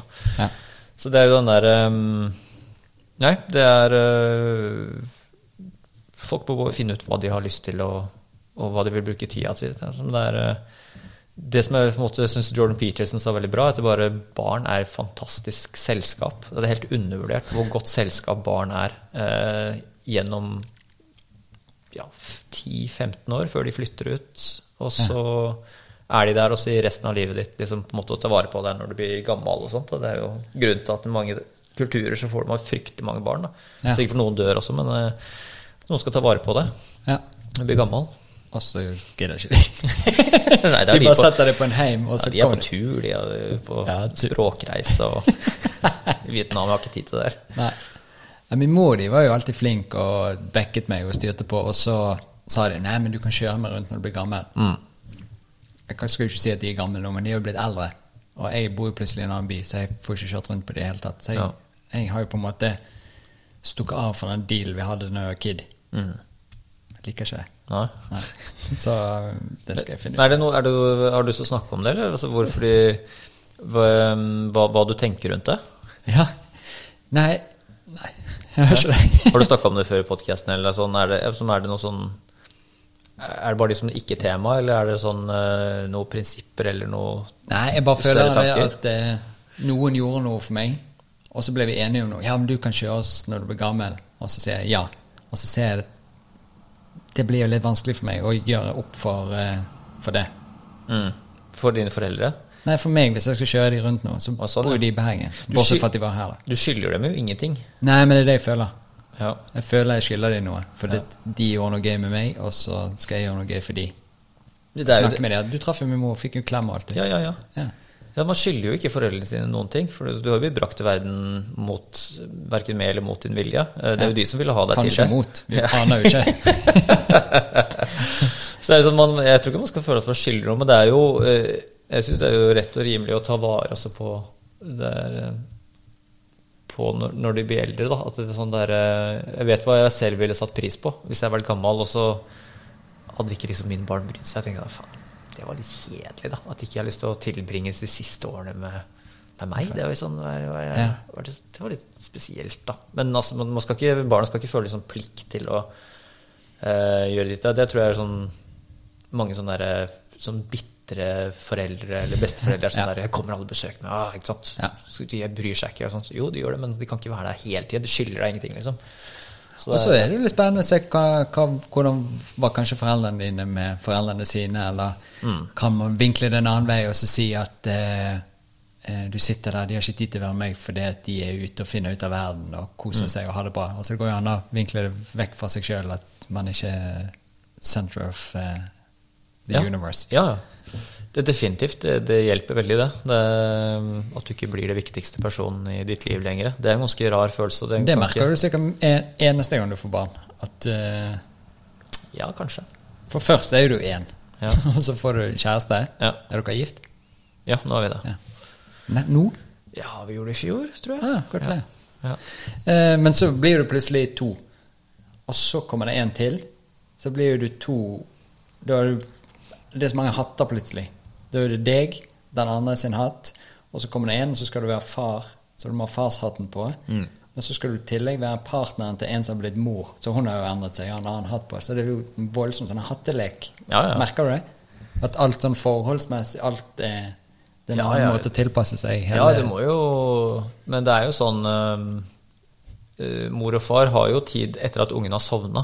Til liksom på en måte, det er jo der man har uh, sin tid sammen. Og så er det jo ting man gjør hele familien sammen også. Så er det jo veldig sånn Det er som en sånn lim eller glu. Også på en måte, men det som er best, aller aller best med å ha en, en partner oppi en sånn situasjon, er jo at når ungene gjør noe jævlig gøy, eller at dere er et spesielt sted, eller gjør en opplevelse, så har du noe å dele det øyeblikket. Sånn at du kan se bort på noen andre bare sånn Det var gøy. Ja. ja. det, er, det er litt som å se fotballkamp aleine. Ja. Det er sånn Så, så scorer de, eller du sitter, sitter på fotballstadion sitter og ser på TV alene, så er det sånn Du har liksom ingen sånn Ja, Ja. du skal du kan Eller ikke så- komedie alene. Litt ja, sånn. ja, ikke sant? Du har liksom ikke noen som måte å kommentere det som skjer med noen, eller at du liksom, å utveksle noen blikk, eller Og den, den, det er derfor folk sitter på Twitter ser fotballkamper og bare sitter og twitrer hele tida. Å dele, Ja. Sitter liksom. alene med, er med noen. Ja, ikke sant? Så slenger du kommentaren sin der. Så det er jo på en måte den samme mekanismen, tror jeg, med Twitter og, og idrett. Og folk sitter oppe på kveldene og sitter og twitrer hele tida når de sitter og ser på fotball og sånt. Så det er, det er der, men det er jo Jeg tenkte ofte sånn der Hvis, hvis jeg skulle liksom endt opp å være sånn alenefar, så hadde det vært utrolig trist alle de øyeblikkene hvor det skjer noe sånn Hvor de ungene snakker sammen, sier noe dust eller morsomt, øh, gjør noe gøy, lærer seg noe nytt. Spesielt det, liksom. At de gjør et øh, nytt steg og bare sånn Wow! Kan du liksom dele? Eller kan Ja. du liksom skrive setning? Har du lært å lese? Wow. Så har du liksom ikke noen Du Ah, du kan ikke dele du kan ikke, ja, ja, ja, liksom bare sånne små achievements som ungene gjør hele tida. Sånn, det er sånne ting som partner kan dele, og som man finner litt glede i, og, og bekymringer også på. at jeg syns det går litt for sakte med det. Og, ja? Så det er jo veldig um, All respekt til um, de som er aleneforeldre og, og på en måte holder hodet over vannet for det der, tror jeg er jævlig tøft. Ikke, ikke bare det med tid. Det første man tenker, er at de har veldig litt tid. Det har de jo helt klart. Sikkert ingen ledig tid. Nei. De har ingen på en måte den der den, det, Jeg tror det savn der å dele med, med andre, tror jeg er ganske, ganske heavy. Det er liksom å dra på sydenferie aleine også. Hvis du hadde en kjæreste, og så hadde du vært på sydenferie med henne i 2016, og så drar du på samme sydenferie i 2017 aleine, det er sånn Ja. ah, ja. Kanskje ja. Ja, Finne et annet så- sted i Syden. Ja, da må du liksom gå rett ut på sjekkeren og dele opplevelsen med en Ja. svensk det kan jeg bare tenkte når du sa dette med at um, på kvelden så har eh, partnerne tid for seg sjøl. Ja, og sammen. Ja, og sammen. Men jeg bare tenker For det er jo kanskje lett for hvis man har innstillinger at vi skal være sånn som vi var før. Så det blir oss, og så den, kiden. Eh, Istedenfor at nå er det vi, hele gjengen. At det, hvis man fortsatt har denne 'Å, men vi får jo aldri vært alene for oss sjøl'. Ja. Drit i det. Du har en kid. Nå er flokken annerledes. Ja. Nå har eh, hele greien endret seg. Og det tror jeg Når jeg snakker av og til med noen eh, showmier sånn, som, har, eh, som har barn, så tenker de fortsatt før barn. Altså at det er de to eh, Og det er ikke plass til de to lenger for den, eller et eller annet sånt. Men hvis man endrer perspektivet, så er det bare Ok, nå er flokken det er vi. Vi har ja. bare vokst som flokk. Mm. Men det er ikke sånn, men det, det er ingenting som dør. Altså man, det er bra at man har gjort mye ting sammen før man får barn. Da. Det tror jeg er sånn at du har vært, liksom, har reist og gjort alle de tingene som ikke man sitter og savner. Da. Det er litt sånn som hvis man sitter i 40 år nå og ikke har vært på fylla eller vært, eh, og lurer på hvordan det har vært, vært singel for man har vært i forhold hele tida. Så det er, der, det er greit å liksom, ha sparke fra seg gjort liksom, gøye ting, tror jeg, for man kaster seg ut i det. Og det er, men det er jo ingenting som er utelukka. Man kan fortsatt, hvis man har tilgang på barnevakter, og, og man kan gjøre masse sammen, selv om på en måte bare to stykker også. Reise bort en helg. Eller, så det er ikke noe umuligheter, det akkurat. Det jo, du har jo fortsatt frihet til å gjøre ting. Men så er det sånn det, det, det er sånn skille, da. Jeg kan ikke huske hva vi brukte tida vår på før barn. Altså, Vi hadde enormt mye fritid. Eh, liksom etter jobb, helger. Hva faen var det vi brukte tida vår på? Jeg husker ikke. Jeg, jeg, jeg greier ikke helt å skjønne liksom Det er så morsomt med folk som kommer på jobben og sånt og sier sånn de er trøtte og slitne, og det er så mye å gjøre, og jeg var sånn Hva er det du snakker om, liksom? Det er liksom bare du, hvor du har så mye å gjøre, altså hva er det du Du har så mye tid, da, Ja. for hånden. Det er min tanke på at min 2012-utgave hadde ekstremt mye tid for hånden til å gjøre akkurat hva han ville, hadde mye frihet. Og det er kanskje da man kanaliserer tiden sin som dårligst, når du har på en måte størst frihet. Men Ja. når du har jævlig liten frihet, som jeg har nå, så kanaliserer jeg jo tiden ekstremt effektivt. Ja. Får gjort mye mer nå enn da før bar, nesten. For da satt jeg bare og gjorde alt mulig annet og grima litt og dro litt ut og slappa av. Viktig å slappe av, ikke sant. Har ikke tid til å slappe av nå. Du må bare lage ting, må produsere ting, lese ting. Ja. Du blir bedre med tid, da, fordi du blir tvunget til å gjøre det. Kanskje ikke det er så bra at vi har overflod hele tiden. Nei, For vi blir jo lat. Ja. Slapp. Mm. Vi trenger egentlig at uh, ting er litt begrenset. Vi må sette pris på hvert eneste tid vi har. Mm. Ja. Nei, jeg vil anbefale barn på det varmeste. Altså det Ikke overvurdert konsept. Ja, men jeg tror jeg kan bli noe i- skjønnende uten at jeg skjønner og forstå. Jeg vet det. Men i hvert fall, jeg kan få en liten sånn følelse av at ja, det er noe som settes i, i, gang hos deg, i hvert fall, eh, når det skjer. Og så er det forhåpentligvis eh, noe som du har lyst til å bruke tiden din på. At det har så stor verdi for deg at du har lyst. Jeg syns det er en sånn mindfuck å tenke på hvis man øh, velger ikke å få barn. Det er jo veldig mange menn som ikke får barn. Eh, det er vel sånn Det er jo ganske sinnssykt. Jeg tror én av fem menn i Norge har ikke barn. Eller ikke partner, liksom, som de lever et ensomt liv. Da. Over, og de, og det, det, det er over 50.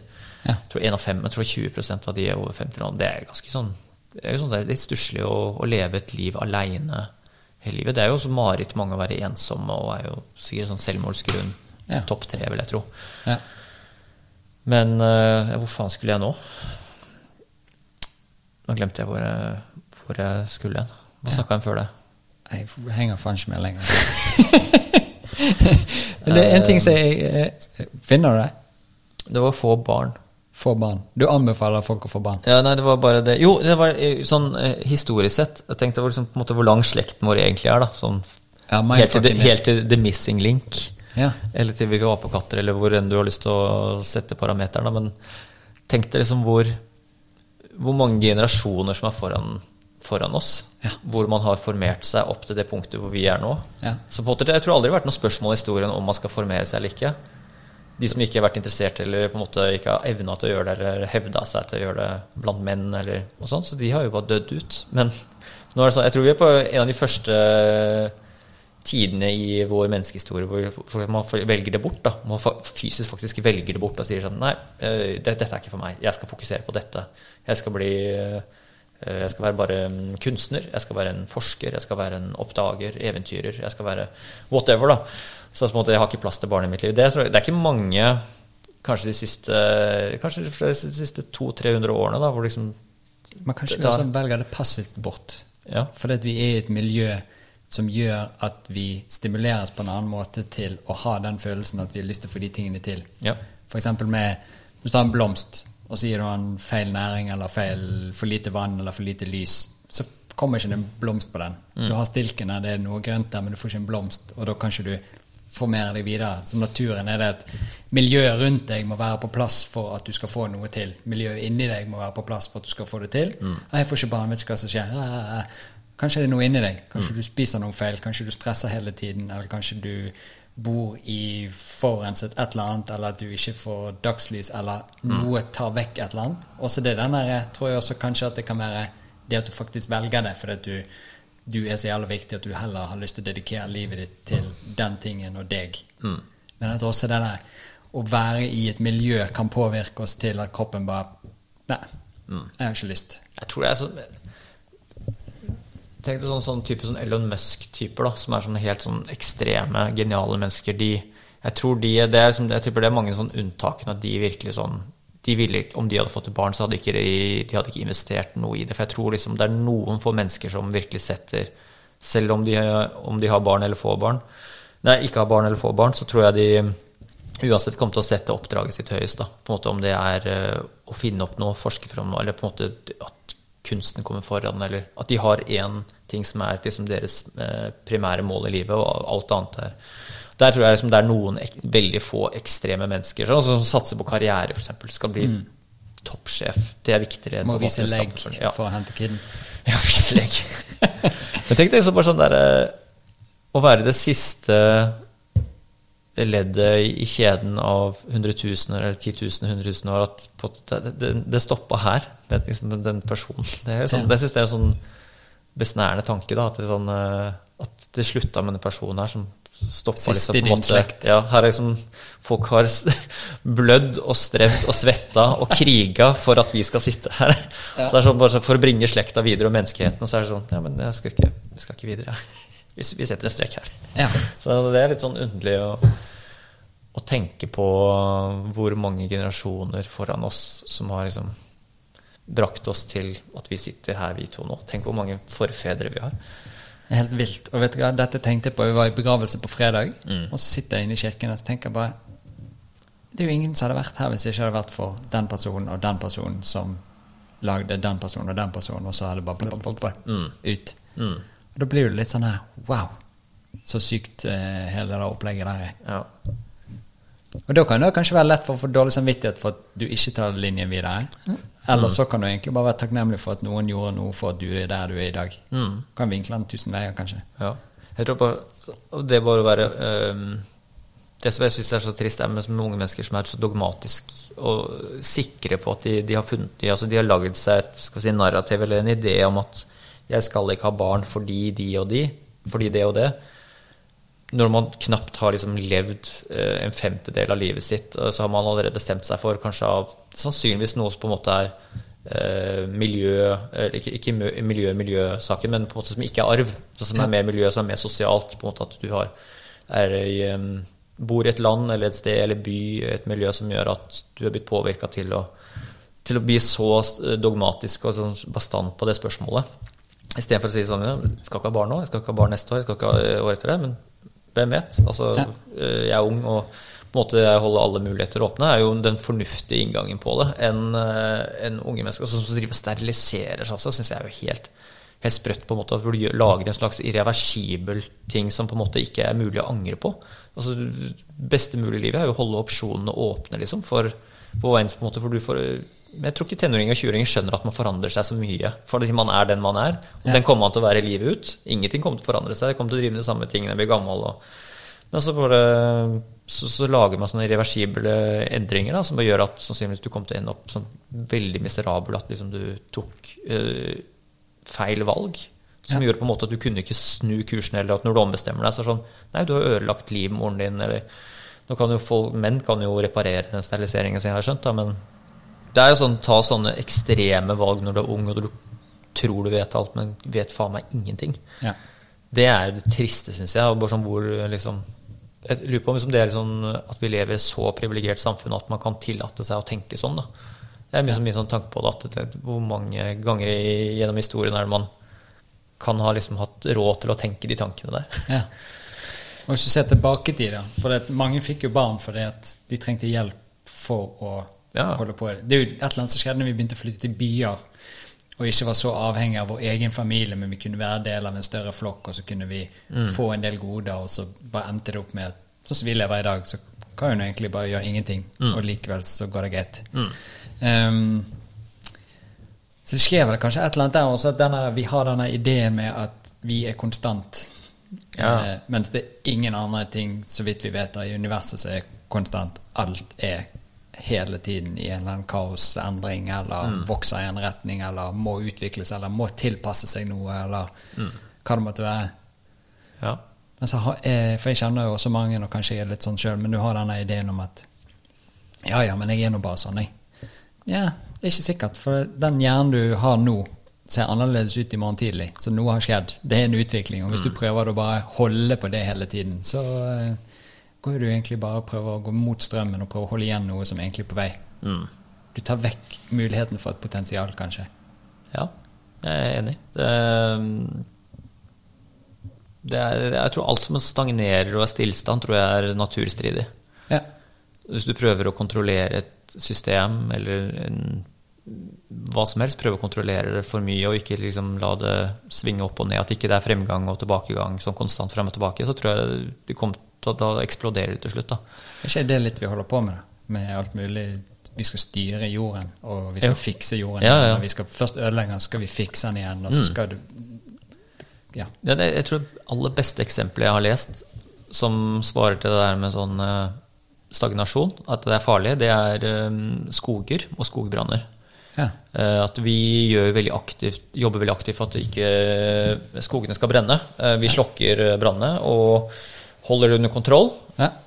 Og lar ikke naturen gå sin gang. Da. For liksom vi forbinder jo skogbranner med noe fryktelig. Det er naturkatastrofe nesten. Og det brenner jo ned byer og hus og alt mulig sånt. Så vi prøver å, liksom, å slokke brannene. da. Men poenget med skogbrannene er jo at skogen selv gjør seg utrolig tørr gjennom årtier og århundrer. Så eh, utvikler skogen selv veldig f- flambare materialer langs skogbunnen, visstnok. da. Ting blir veldig tørt, blir veldig lett antennelig, og det er for at skogen skal brenne ned. og sånn at man kan... eh, Gi mulighet til ny generasjon. ja, fordi det er liksom den asken og den, på en måte, alt det av det skogbrannen gir jo også på en måte et organisk, nytt organisk friskt materiale og ny jord og alt det, pakken, eh, alt det greiene der som gjør at, du kan, at skogen kan bygge seg selv opp på ny igjen. Da, at du brenner liksom den kvitter seg med den delen, men den her består, og så er det hele tiden konstant, sånn at trærne greier å eh, dominere liksom den, den flaten. At liksom, man brenner litt ned, noe står igjen. Det kan liksom gå da kan man, eh, trærne formere seg over til dette nye fruktbare området hvor det brant ned. Og så er det mye mer naturlig dynamikk i skogen. Men når vi hele tiden eh, slokker skogbrannene, så gjør vi da altså skogen sånn at den blir mer og mer og mer antennelig. Til slutt så blir eh, skogbrann så massiv at den tar hele skogen. Istedenfor for at skogen regulerer seg selv, så tar den til slutt alt. da. Ja. Og en sånn hjemmekokt analogi på det er eh, krangler med samboeren sin. Ja. At hvis du aldri krangler eller har, tar opp noen ting uh, med, med samboeren din uh, At du bare, liksom, helt, ting, bare, bare skyver det liksom under teppet, at du, ikke, at du liksom ikke lar den dynamikken gå sin gang, så tror jeg det bare akkumulerer opp til en sånn fantastisk stor Kaboom. Krasj da, eller eksplosiv hendelse i forholdet som er så stor at du skal umulig greie å holde på forholdet. Men hvis man hele tiden gjør som skogen, da, at man tar de små, altså de små Bare la de små skogbrannene brenne.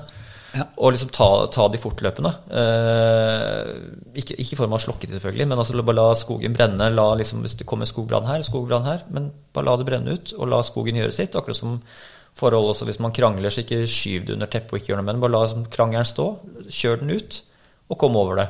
Ja. Hvis man hele tiden liksom ikke gjør det, og det bare akkumulerer opp med masse misnøye og ting man ikke tør å snakke om nå, så tror jeg det bare eksploderer i en sånn kjempeulykke som gjør det nesten umulig å holde, fortsette forholdet, da, fordi det er liksom Ja, den tingen det, den, det gjør vanskelig å fortsette. Og det Ja, hjemmekokt analogi der. Jeg likte den, jeg. Og, eh, og det er jo det der, som du sier, det der når eh, skogen får brenne, så gir det potensialet for neste runde at noe skal komme og, mm. holde denne Ja. sweet spoten, der at nytt og gammelt er på plass. Ja. Um, og hvis du da ikke tar opp ting som er kjipt, eller um, tar denne krangelen, så er det jo også spennende å se hvorfor gjør vi det ikke. Er det fordi at vi er redd for Det er noe her som ikke er bra. Hvis meg og deg var kjærester nå, så er det et eller annet mellom oss som ikke er bra. Men jeg har ikke lyst til å ta det opp, for jeg er redd for hva utfallet blir. At vi ikke skal være sammen. Ikke sant? Eh, mens det kanskje naturlig er at vi faktisk skal ta det opp, og så Ja. skal vi kanskje gå fra hverandre, eller vi skal komme enda tettere på hverandre, eller et eller annet.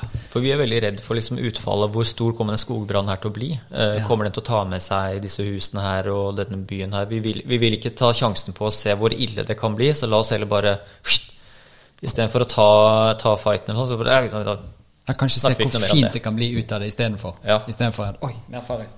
Men det var det jeg tenkte, for det, eh, vi gjør jo litt det samme med å styre naturen, sånn med ulver og, og alle mulige Ja. sånne ting. Sant? Vi skal kontrollere, for det, det er plagsomt for oss mennesker at det går eh, gråbein rundt og, og styrer og ordner. Og så bare fjerner vi ting som er en sånn fin symbiose. Ja. Fordi vi tror at vi vet bedre enn moder jord. Det er ekstra komplisert at vi også har satt ut visse rovdyr og starta med egne beitedyr og sånt. Og det er en sånn veldig komplisert uh, samtale der, for det er ikke liksom alle rovdyr og alle dyr som på en måte er et naturlig habitat heller, og det er mange som på en måte har vandra og forandra liksom, uh, områder etter hvordan mennesker har bodd og flytta på seg også, så det er, det er en ganske sånn superkomplisert prat, det der med ulver og det er superkomplisert, men det er vel også det uansett hva vi mennesker gjør, så påvirker vi noe. Ja. Men da må vi også være en del av at vi påvirker noe, og så må vi bare godta det at vi påvirker noe, og noe må tilpasse seg også. Så hvis vi tar natur, eller putter ut dyr i natur, eller putter ut et eller annet, så må vi ta konsekvensen av det. Ikke bare gå rundt og være sur og så skyte alt mulig ting, tror jeg, da. Um, det ene er ømfintlige, men hvis du har hørt om Yellowstone-prosjektet som de hadde, når de satt ut i en ulv, f.eks., så var jo plutselig hele Yellowstone tilbake igjen til normalt. Fuglelivet kom tilbake, Ja, og alt mulig. For de manglet, Økosystemet. Ja, for de bare 'Å nei, stakkars hjorten'. Mm, Og så var det bare for mye hjort. Ja. Eh, det var ikke trær, så det var ikke fugler, for det var for mye sånn. Og så var det noen andre dyr det ble for mye av. Mm. Og så slapp de bare inn ulv, og så etter så og så lang periode så bare normaliserte hele økosystemet seg. Mm. Og det er det jeg tenker. Vi er jo de som alltid skal rote til noe. Mm. Vi skal bli spist av og til, vi skal bli syke, og vi skal dø, men vi nekter. 'Jeg skal ikke bli syk, jeg skal ikke dø'. Ja. Jeg skal bare holde ut. Vi skal bli flere. Vi Mm. skal bare påvirke alt mulig styr. Det er jo litt av poenget med regenerativt landbruk, at hvis beitedyr ikke har noen stressfaktorer som gjør at de må flytte seg fra A til B til C, så beiter de bare på samme område og røkifiserer hele dritten. Men hvis de har eh, rovdyr som konstant tvinger at de flytter på seg for å beskytte flokken, og sånt, så, så beiter de mye mer dynamisk rundt på et større område og etterlater seg på en måte drit. Og de spiser ikke så langt ned at de tar røtter og alt mulig sånn, så det gir mye mer frodig, eh, et frodig habitat, da, hvor de gjødsler og spiser liksom i passelig sweet spot-mengder, Ja, da, ja. enn at de eh, ørkifiserer. Og det er jo det som skjer når det blir sånn for mye av f.eks. hjort, og ikke det er noen stressfaktorer for hjort, så blir det for mange av de, og så spiser de for mye, og så går det utover andre sorter, og så blir det helt ubalanse. Så det er den derre Det jeg tenker med, med ulv og sauer da tenker jeg sånn mellomløsning altså Hvis det blir for mange ulver, selvfølgelig, at man ikke har at, at økologien på en måte ikke er det den var. Så, så så er jeg jo helt pro liksom, å regulere ulvestanden med at man skal skyte vekk alle ulver. virker veldig rart, for, det er sånn, for å beskytte beitedyr og sånt. Jeg, jeg skjønner ikke hvorfor kan man ikke bare gjennomføre den gode, gamle sauegjeteren? Jeg er helt enig. Hva- Hvor, vakker jobb er ikke det? Altså, Er ikke det en herlig jobb for en 15-16-åring å bare ta på seg Ta med seg liksom litt telt og en eh, trestokk og, og gjete flokken mot en feit sommerlønn, liksom? Altså bare Verst hvis det er en feit sommer, ja. Men da må jo også systemet vårt være sånn at det, du blir belønnet for å gjøre det. Mm. Istedenfor at vi har en sånn der eh, Du kan bli rik på å kutte torsketunger, så må du å kunne bli rik på å være sauegjeter. Og hvis du er sånn naturglad og ung person òg, så er du jo helt konge. Ja. Men jeg tror, ja, og jeg tror kanskje det vi mangler der, er jo det at i den måten vi Nå er det så synsing ut av ræven her, men i hvert fall Sånn som vi driver matproduksjon i dag, så er jo ikke matproduksjon for å lage mat til folk. Det er for at noen har lyst å ha høy profitt på noe og tjene penger. Hadde det vært annerledes, så hadde ikke vi overprodusert ting og tatt så jævlig feil. Ehm, så hvis vi da hadde hatt en annen modell som gjorde det at det hele tiden ikke var et jag etter en så høy profitt, så kunne vi hatt muligheten til å tusle rundt og passe på dyrene. Men eh, det er ikke de som produserer som sitter igjen med profitten, det er noen andre her borte. Og det er ikke de som sitter igjen med overskuddet til eller nok til å betale noen som skal beite, nei, passe på dyrene eller et eller annet. Så det kan være litt sånn Godt mulig, det. er- merkelig økonomisk system vi har som gjør at vi fjerner fokuset fra hva vi egentlig kunne gjort, og så kunne vi hatt det mye bedre. Men vi skal hele tiden jage etter en prisvekst eller at Hva var det jeg leste et eller annet sted? Men sånn kiloprisen på, um, på geitekjøtt var sånn to kroner. Ja. Og så går du og kjøper i butikken for vet du faen, 100 spenn for eh, 400 gram. Ok. Jeg vet ikke om Ja, bare ja, sier ja, ja, ja. Så er det jo noen et eller annet sted her som tjener sykt mye penger. Og de som lagde den geiten, tjener ikke så veldig mye penger. Nå var dette kanskje et ekstremt tilfelle, men Mm. Det er jo et eller annet i den der eh, Helt klart. ideen vår med hvorfor lager vi mat. Mm. Ingen av de som sitter og eier eh, ting som selger mat til oss, virker som det er noe fokus på at vi skal for det første mate folk. Eh, og det for det andre er det virker ikke som noe eh, helseidé bak det. Vi skal bare gi folk det som stimulerer mest mulig, sånn at de kjøper mer, istedenfor at ja, vi lager den og den maten sånn at folk kan spise det som kanskje heter mat, og at eh, eh, vi ser at det må ha et positivt helseaspekt. Mm. Jeg, tror, jeg snakka med en i Finnsbråten eh, som sa at eh, vi nordmenn vi kjøper nesten bare fileter og de fineste stykkene. Ja. Det, det, det, altså vi kjøper veldig lite av på en måte den, den nest beste eller tredje beste eller fjerde beste. Vi liker eh, indrefilet, vi liker ytrefilet, vi liker entrecôte, vi liker eh, kyllingfilet. eh, og det er liksom altså de ting, og på, på påleggfronten òg, kokt skinke. Kokt skinke er faktisk sånn sammensatt produkt. At det, det, sånn- det, er, det er ikke ett skinkestykke. Det er, sånn, det er kobla sammen i steket. Mens hamburgerrygg er visst ett Stykke. Ett stykke. Ja. Er, men vi liker liksom de reneste, fineste tingene, da.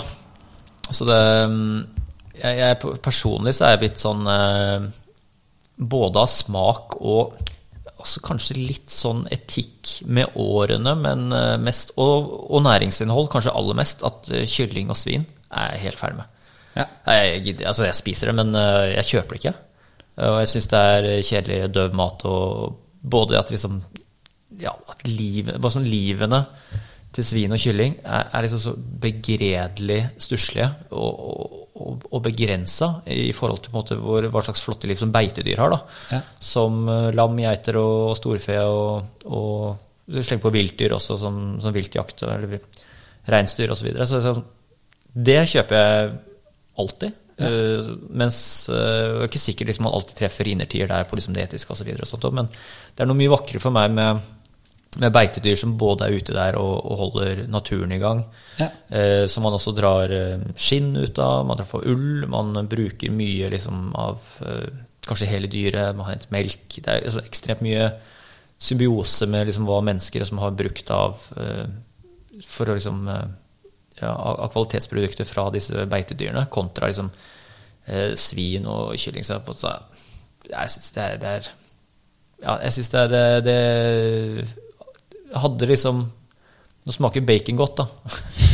Jo, men det er forskjell der og, og spekeskinke og sånt òg, men det er um, Ellers er det sånn på en måte selve kjøttproduktene, altså selve de, kjøttfulle delene av de dyrene, er ikke sånn som jeg syns trakter etter sånn forbruk, som forbruker. da. Har du prøvd sånn f.eks. gladgris eller noen sånne griser som går vilt på fjellet og koser seg? Nei, jeg, jeg, kanskje Teste. ikke bevisst.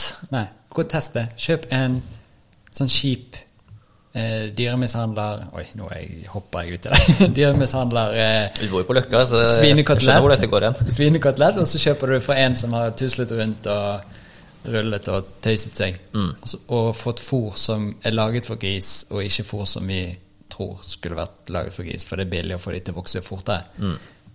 Samme på kylling. Kjenn smaken. Det er helt noe annerledes. Det er en greie. og Da får du plutselig lyst på den type mat igjen, for det, det, det gir et eller annet. Mm.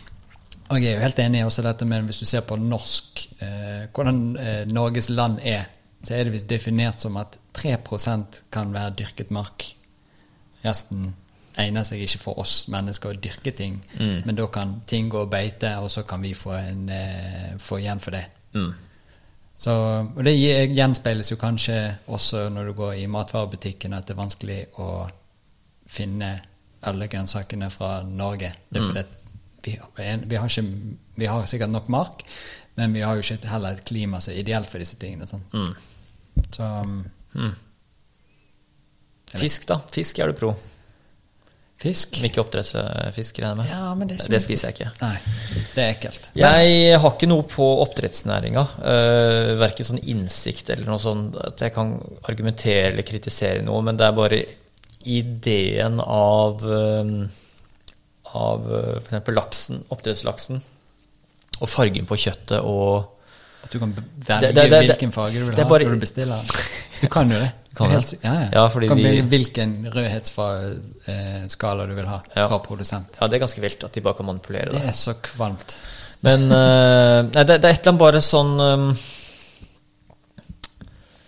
Ja, det, det, det, det, altså, det, det er på en måte Du vet, du, har, du får ideer eller en slags um, Det er jo veldig sånn passivt å si følelse, men så på en måte en intuisjon eller altså, det, er noe der som sier bare sånn Dette her eh, greier jeg ikke å, å få til å bli en ekvivalent med villfisk. Så jeg vil alltid velge villfisken foran, eh, av rett og slett bare sånn dynamiske årsaker. At det er fisk som på en måte opererer på et smalt område, som blir fora med dette og dette.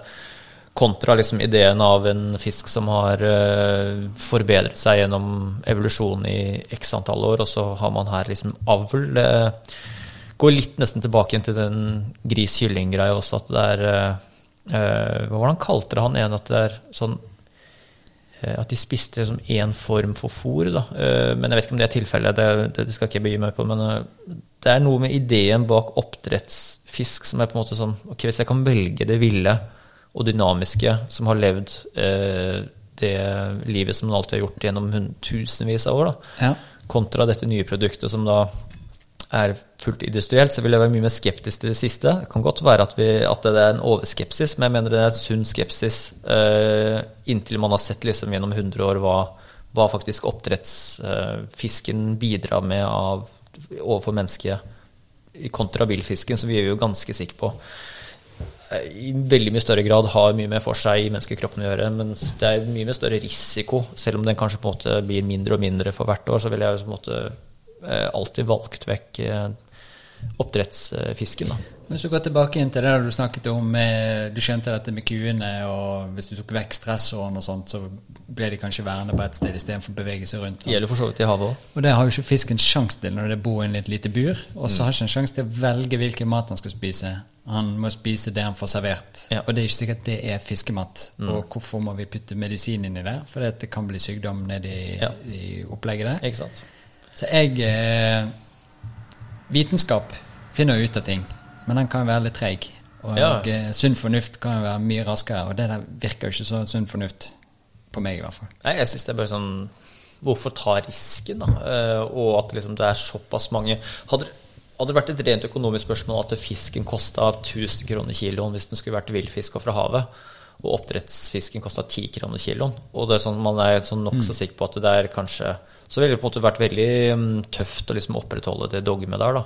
Ja. Uh, men altså, i og med at sånn, villfisken koster ja, nesten det samme. ja. Altså hvis du går til liksom du, Ikke vill- villaks, da, men uh, Nei. torsk og sei og, og fisk som er jævlig godt, så, så, så ja. Så er det ikke noe problem liksom, å holde meg til den hvite, og, hvite fisken. Nei, er, for eh. Nei, men det ser jo det som er litt sånn problemer, virker det som, da. Jeg vet jo ikke, men jeg har jo fått med meg noe at eh, Mm. så stikker noen eh, oppdrettslakser ut, og de har en helt annen sammensetning i Ja. sin genetikk og hvordan maten er. Det inneholder ikke så mye omega-3, som er en av grunnene til at vi har fått beskjed om å spise fisken, for det er mye omega-3. Og så Mm. er det ikke så mye igjen lenger, fordi de får soya og omega-6 i fôret sitt, og Mm. så endrer det hele sammensetningen av fisken. Så stikker den av, og så treffer han en liten flørtete laks borti borte i elven der, og så begynner de å lage noen nye. Ja. Og så blir det en ny variant av et eller annet som var mennesker som har kludret med ting. Og så tenkte jeg også det da hvis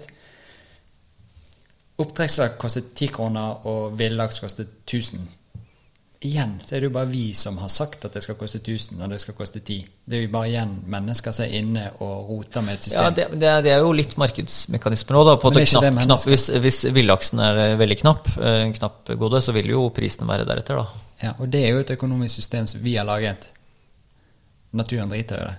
Ja, men vet, hvis ikke vi får tak i nok villaks, så vil det jo være veldig Ikke spis villaks, spis noe annet. Men vi har jo en sånn idé vi skal ha alt skal død og liv. Også de som kan betale mye for det, kan få det.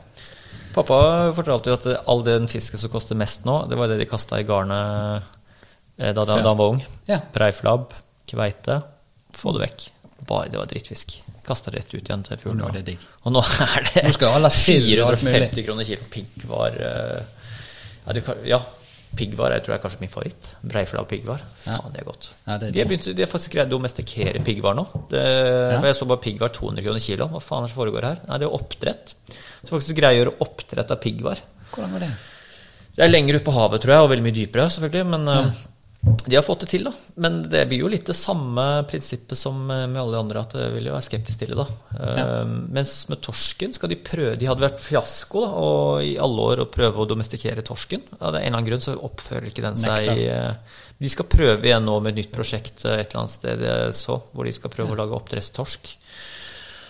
Eller hyse, eller hva det var for noe. Men eh, så Jeg vet ikke. Det er jo litt sånn artig at det, Tenk om vi bare hadde spist all villfisken selv, og så hadde vi solgt all oppdrettsfisken til, utlandet. Ja. Vi spiser mye oppdretts, eh, oppdrett selv, men eh, ja. Det er et eller annet eh, nydelig system. Men eh, Ja, og det er jo litt hva er det vi legger igjen til neste generasjon, hvis vi skal tenke fremover, sånn som du som lager barn og er flink til det. Så er det jo bare hva er det vi legger til rette for videre. Um, og det virker veldig mye at vi tenker på akkurat her og nå, og ikke så veldig langt frem av og til. At vi kanskje skulle bare tenkt generasjoner fremover, men vi er takknemlige for generasjoner bak. At vi kunne heller sett fremover hva kan vi gjøre for at generasjonene våre har det bedre. Og gitt de andre verdier. Ikke gjort alle om til gamere, men gjort alle om til eh, litt forskjellige, men også lagt til rette for at de tingene vi gjør nå Satt seg ned og tenkt da, hvis jeg skal lage piggvareoppdrett, eh, er det bra for meg akkurat nå, sånn at jeg kan fråtse litt i ting? Eller er det bra for etterkommerne våre? Og da mangler vi, eller da kan vi ha et annet perspektiv på ting, kanskje. Vi kan jo snu på det og si at det sannsynligvis Veldig sannsynlig så er det jo veldig mye sunnere for verdens befolkning å få masse oppdrettsfisk eh, enn f.eks. masse ultraprosessert mat. da. Fast food, eh, karbodrit, eh, frost, frossenmat eh, Ikke sant? Altså alt det alt det greiene der som koster jævlig lite, så vil det sannsynligvis eh, jeg tror For systemet og kroppene våre så er det sannsynligvis mye bedre å putte i seg oppdrettslaks og ørret enn det er å spise ultraprosessert eh, mat, tror jeg, da. Altså, hvis man skal liksom sette det opp mot hverandre, og hva, liksom, hvis man skal gjøre verden, eh, hele verden, på en måte til et bedre som sted, at alle skal få et ordentlig matfat, så kan det godt være at det, at det er uh, veien å gå. Eh, Hvis alle menneskekropper er sånn tålelig anatomisk like, så er det sånn, da skal du jo Jeg vet jeg ikke, det er jo det, det virker som en omega- omega-3, så vidt jeg har skjønt, er det eneste fettet som forskerne er enige om er bra for kroppen. Og så er det veldig mye diskusjon rundt eh, fettet fra rødt kjøtt og, og den type hvorvidt, hvor farlig det egentlig er. Eh, jeg tror ikke det er farlig, men det, det, er, eh, det er mitt take på det. Det, er- det farligste fettet, tror jeg, er um, sukkeret, karbohydratene, som ikke blir forbrent, og som lager seg i kroppen. Uh, som blir av overskudd, som på en måte det fettet som blir lagd ut av overskudd av karbohydratene vi ikke greier å forbrenne, det tror jeg er det farlige fettet. Ja. Som på en måte har veldig dårlige kvaliteter for, for menneskekroppen. Og det er sånn fett som jeg liksom ikke visste om eller skjønte. At det var det at liksom du ikke du putter i ofte Du kan se på at måte eh, Mange vegetarianere har jo har veldig mye karbokosthold. Og er sånn, kjenner jo flere karbo... eh, eller vegetarianerkompiser som er egentlig er noe spesielt tynne eller slanke, men så er det liksom pløsete. Ja. liksom på en måte, for de spiser så mye karbohydrater som gjør at de ikke forbrenner det, så de ikke trener ikke heller. Og hvis du spiser masse karbohydrater, så må du så holde kroppen jævlig i gang da, med fysisk aktivitet, fysisk arbeid eller fysisk trening. Eh, Og hvis du ikke gjør det, så, så, så lagrer disse karbohydratene seg, eh, blir gjort om til fett i kroppen. Og da får du en sånn Ikke bare det dårligste fettet, men du får veldig sånn pløsete Fett. eh, ja, kropp, rett og slett. da. Så Men det er jo det er litt sånn interessant, for det fett er jo ikke fett. Protein er jo ikke protein, og karbohydrater er ikke karbohydrater. Altså Det er jo forskjellige kvaliteter av det. sant? Mm. Ja. Det er forskjell på en uh, Walters mandler Der kom den igjen. Ja. Veldig lyst på Walters mandler. Walters mandler eh, sjokoladeplate og eh, fettet fra en eh, biff, for eksempel, eller en kokosnøtt, eller en nøtt. Eller Ja, ja, ja, ja. Sant? Så det er jo også forskjeller der. Og da, det som ser ut som det er gode indikasjoner på nå, er jo disse her planteoljene som vi har overspist lenge, og som vi også får beskjed om å bytte ut mettet fett med flermettet fett og disse tingene. Er kanskje en av de store bidragsyterne til at de ikke vil ha det så bra. Hvis du ser på hvordan celler er bygget opp med, med celleveggene av lipider og fett, så er jo den mettede fetten den sterkeste som gjør at cellestrukturen klarer å holde seg. Og med en gang vi overkjører med for mange andre fettyper, så endrer det seg, og så endrer kvaliteten til cellene seg, og så blir de lettere å kunne ødelegge og lekke ting og trenge inn og ut av. Jeg, jeg, tror det jeg tror det er mye vegetabilsk øh, øh, oljefett som, øh, som er ganske farlig. øh, og som jeg tror altså, som er ganske sånn spesielt fremstilt. Det er, ikke, det er ganske komplisert å, for eksempel, å lage veldig mange typer oljer.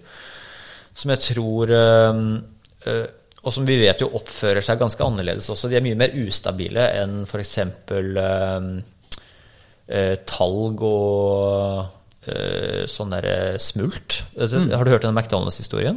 Nei, Ja. Om french fries. Altså de originale french fries til McDonald's var jo det som de sa at var det som gjorde McDonald's kjent. De hadde hamburgere, de hadde fantastiske french fries som var sånn trelags. Den var crunchy på utsiden, eh, og så var den myk og varm og soft på innsiden. Oi, akkurat som deg. Eh, ja. Så på en måte det, de hadde sånn en trippellag som på en måte var helt unik. Og det var stekt, eh, eller fritert i dyrefett. Ja. I, eh, I talg, tror jeg det er. liksom i, Og det er et ekstremt stabilt fett, så når du får veldig høy temperatur på det, så det er, det er ikke farlig, og det er uh, utrolig forutsigbart. Og det gir en helt, helt spesiell smak. Ja. Som var den smaken som McDonald's ble kjent for med french friesene sine.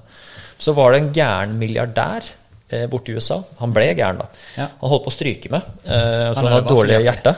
Ja. Altså sannsynligvis masse vaffel, uh, vaffelklær. Eh, og han holdt på å stryke med. Eh, jeg tror han fikk hjerteproblemer eller annet sånt. Og han var totalt fullstendig overbevist at det var det metta fettet fra dyr og fra rødt kjøtt som var liksom synderen til at han hadde spist sikkert mye feit mat og mye sånn junkfood og den type ting. Og det var problemet. Så han gikk da på sånn, eh, sånn krigs...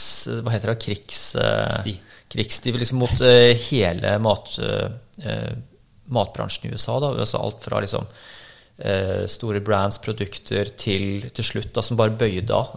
Alle kjørte advokat på han, men han ga fullstendig faen. Han var jo en milliardær som bare Ja. dundra på videre og tvang gjennom flere store Ja, han tvang liksom mange til liksom bare bytte eh, ut sitt f.eks.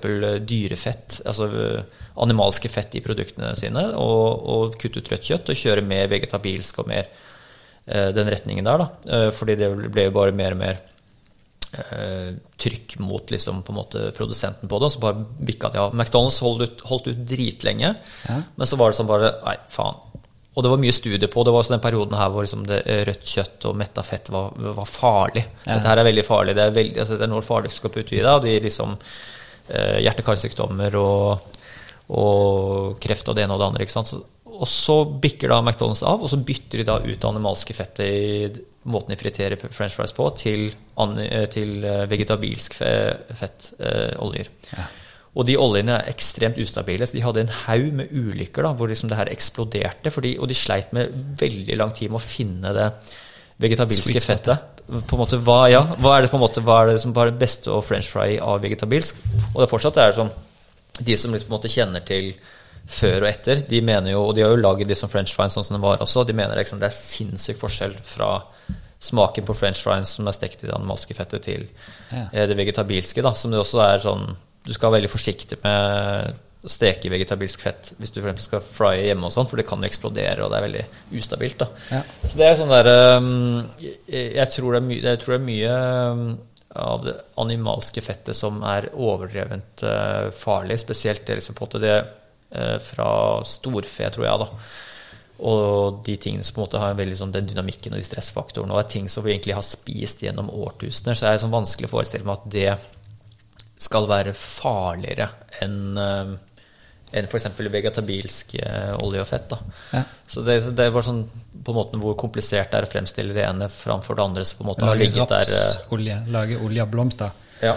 Det, de, altså, det er vel noe, de som er mer inne på det og har sterke meninger om det, de mener at på olivenolje er det minst verste. Og så er det noen som mener at rapsolje er blant det minst verste, men at sånn solsikkeolje Soya. så er helt, eh, helt krise. Ja. Så det mm, Jeg syns det er interessant. Jeg, prøver, jeg liker best å bruke smør, faktisk, som stekefett. ja, det er nice, det. Ja. Ja. Og så vet du egentlig hva det er. Mm. Ja. Det fløtes av vært ristet, og så ble det en klump med smør. Det er bare deilig. Ja, det er digg. Men det, ja, og jeg tenker også det der, det har jo også noe med hva den tingen du spiser, har spist. Mm, Så absolutt. eh, derfor, hvis man da spiser en gris og har løpt rundt på fjellet og spist gass og Mm. ting som griser spiser, så smaker det annerledes, for det sammensetningen av fettsyre og alt mulig i, i grisen er annerledes. Og så Mm. Ja. har det en annen eh, effekt på deg, og ikke nødvendigvis så negativ. Sånn som hvis du spiser fries og stekt i noe som var Mm. bedre enn noe annet, så har jo det plutselig endret en, en um, kvalitet. Mm. Og så er det vittig å se, hvis vi er inne på rødt kjøtt-greiene, er jo det at eh, vi har jo allergier på de mest eh, plante, eh, plantene i planteriket. At folk folk har intoleranser og allergier. Hvis du da ser etter hvem som har allergier f.eks. mot rødt kjøtt, så fins det nesten ikke. Det er jo den minst allergi den mest allergivennlige tingen å spise. Mm. Så det er veldig spennende å se på hele den her, for det er jo mye forskninger og ting som dukker opp nå. Og, og hva heter det, debunking på, Ja. på norsk? Eh, Ja, de debunking. Debunking, eh, der de bare Vi ser på det at det har, det har kommet ut fra studier, ja, men vi har også kanskje sett litt på feile ting. Og, Mm. det blir spennende å se Ja, om vi kommer frem til noe. Men jeg tror i hvert fall at eh, jeg har jo også pasienter som sliter med inflammasjon. Mm.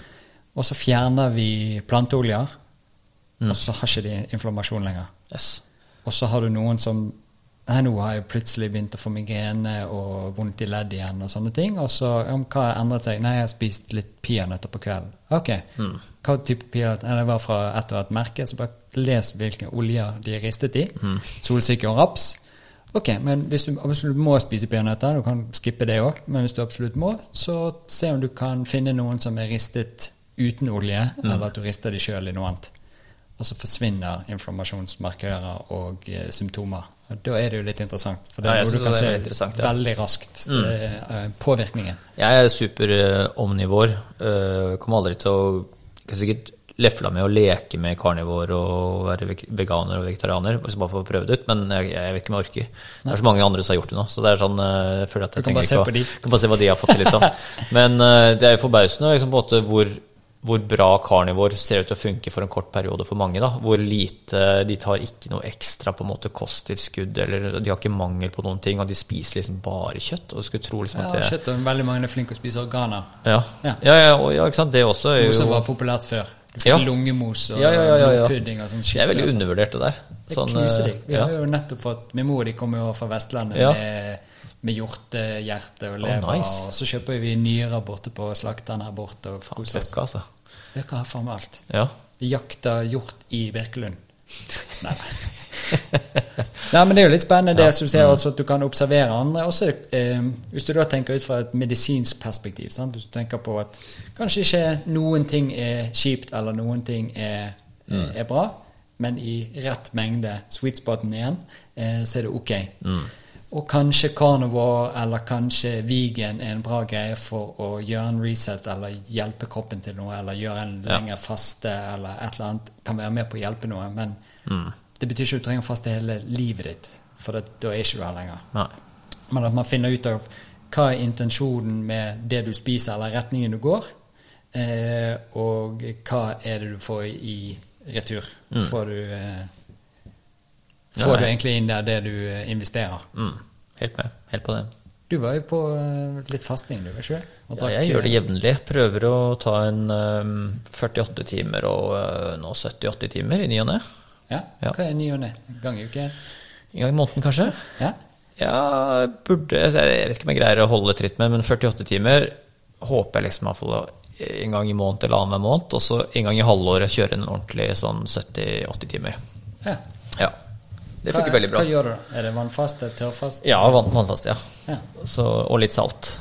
Uh, og kaffe. Det har jeg også drukket under de fastingene. Og te. Uh, men det kommer jeg sikkert til å slutte litt med. Ja. Men eh, nei, det har vært veldig gøy, det, altså. Ja. Men det er veldig kjedelig. Det er ikke gøy når jeg løy. Det, det er bare kjedelig. Uh, og så er det veldig pain å lage mat til ungene. Ja. For alt lukter så jævlig godt. Det er helt nydelig. Men det føles jo veldig godt etterpå den treningsøkta du har etter fasten. Den er ganske hissig. Den er ganske herlig. Ja. Så er det jo utrolig å begynne å spise igjen, da. ja. Det er jo det. Det- Setter pris på det. Hva er det lengste du har fasta sånn, da? 26 dager. 26 dager. Åssen faste var det? da? Det var en faste med vann, Ja, te, og så er det en halvliter med grønnsaksjus. ja ok. Ja. Så den ga deg et slags minimum av næring som gjorde at du kunne faste mye Jeg tror det var mm, under minimum. Men eh, det skjedde jo mye. Jeg vet ikke hvor mye Hva begynte du på i vekta? Eh, Jeg gikk ned ti kilo på ti dager. 10 kilo. Du, du veide litt, da, eller? Da veide, ja, jeg var ikke tjukk, men Nei. jeg var mer enn min matchvekt. Ja, ok. Eh, og mye, som du sikkert har merket eh, hvis du går ut og inn litt, eller folk som eh, fjerner en del ting, så er jo mye av også vekten væske. Så jeg miget jo ut eh, tonnevis med væske. Sant? For dette, er det tre eller fire gram per eh, sukker Ja, som er laget som, som er væske? Ja. Og med en gang du tømmer de lagrene, så mister du eh, like mye. 26 dager, det står respekt av. Det orket jeg ikke mer. Ja. Det var kjedelig. Du tok det bare fortløpende og se hvor lenge du orka? Ja. Ja. Jeg leste om en kis som eh, hadde fastet lenge av For jeg hadde en sånn tullete kropp. Som eh, alle som tok i han sa at han som en 80 år gammel mann har båret sandsekk hele livet. Da var jeg sånn 20. Ja, så det var jo ikke en sånn stilig kropp. Nei. Og så leste jeg om en fyr som hadde fastet lenge, da. Og så tenkte jeg fuck it, jeg gjør det. Mm. Og så begynte jeg bare, og så når jeg kom til 26 dager, så var det sånn Ok, nå føler jeg jeg har holdt på lenge, jeg har fått jævlig mye energi. Eh, leddene gjør ikke vondt lenger, og jeg har det egentlig digg. Jeg begynte til og med begynte å lese bøker i den perioden, og Yes. det gjorde jo ikke jeg. Nei. Så det skjedde jo et eller annet. Spesielt. Yes. Så du si- når vil du si at du måte, i reisen der normaliserte seg og ble At du ikke tenkte på mat eller på en måte når du skulle bryte det? Når det er liksom på en måte automatikken For det tar jo litt tid før man kommer inn i tralten av og til da, på fast, sånne lange fasting. Jeg følte vel egentlig For det var jo det første gang jeg fastet bevisst. Oh, ja. Sånn. Andre ganger så er det kanskje bare at du har vært syk og ikke har matlyst. Sånn, At Mm. kroppen bare tvinger deg til å faste fordi han må fikse opp i ting og autofagi er systemet litt. Men eh, så her, dette var jo bare første gang det var en bevisst greie. Så da begynte jeg jo i påsken. For jeg tenkte hvis jeg klarer påsken med lammelår og alt mulig digg sånne påske-marsipangreier med sånn Ja, ja. strøssel på, eh, så klarer jeg alt. Så jeg sto og lagde middager og herjet med det. Men det tok oss kanskje fem dager, Ja. så hadde ikke jeg sult lenger. Nei. Og etter det så var det egentlig piece of cake. Mm. Og det var jo da Dette har jeg jo snakket om på eh, når jeg har vært gjestet andre steder, men i hvert fall da var jo det dette med at du ser hvor mye Å, det er min mor som ringer. Eh, ser hvor mye eh, mat betyr gjennom en hverdag. Altså hvor mye snakk det er om mat. Eh, planlegging til mat, innkjøpet til mat. Ja. Det var en rar dialekt. Innkjøpet til mat. Eh, preparering alt det der styret. Så når du kom på jobb, så var det litt sånn Ja, uff, jeg var, fikk nå i meg noe frokost. Og, Ja, ja. ja, hva skal du gjøre til lunsj i dag? Hvor skal vi gå og spise lunsj? Og hva skal vi gjøre til middag? Altså, merket hele den der superfokuset på det. Mm. Men også det der hvor, egentlig hvor mye i sosiale setninger hvor mye det har å, å Ja, ja, bety, Mm. og hvordan du kan samle folk til å spise disse tingene. her. Så fikk jo veldig mange av de her perspektivene rundt på, Mm.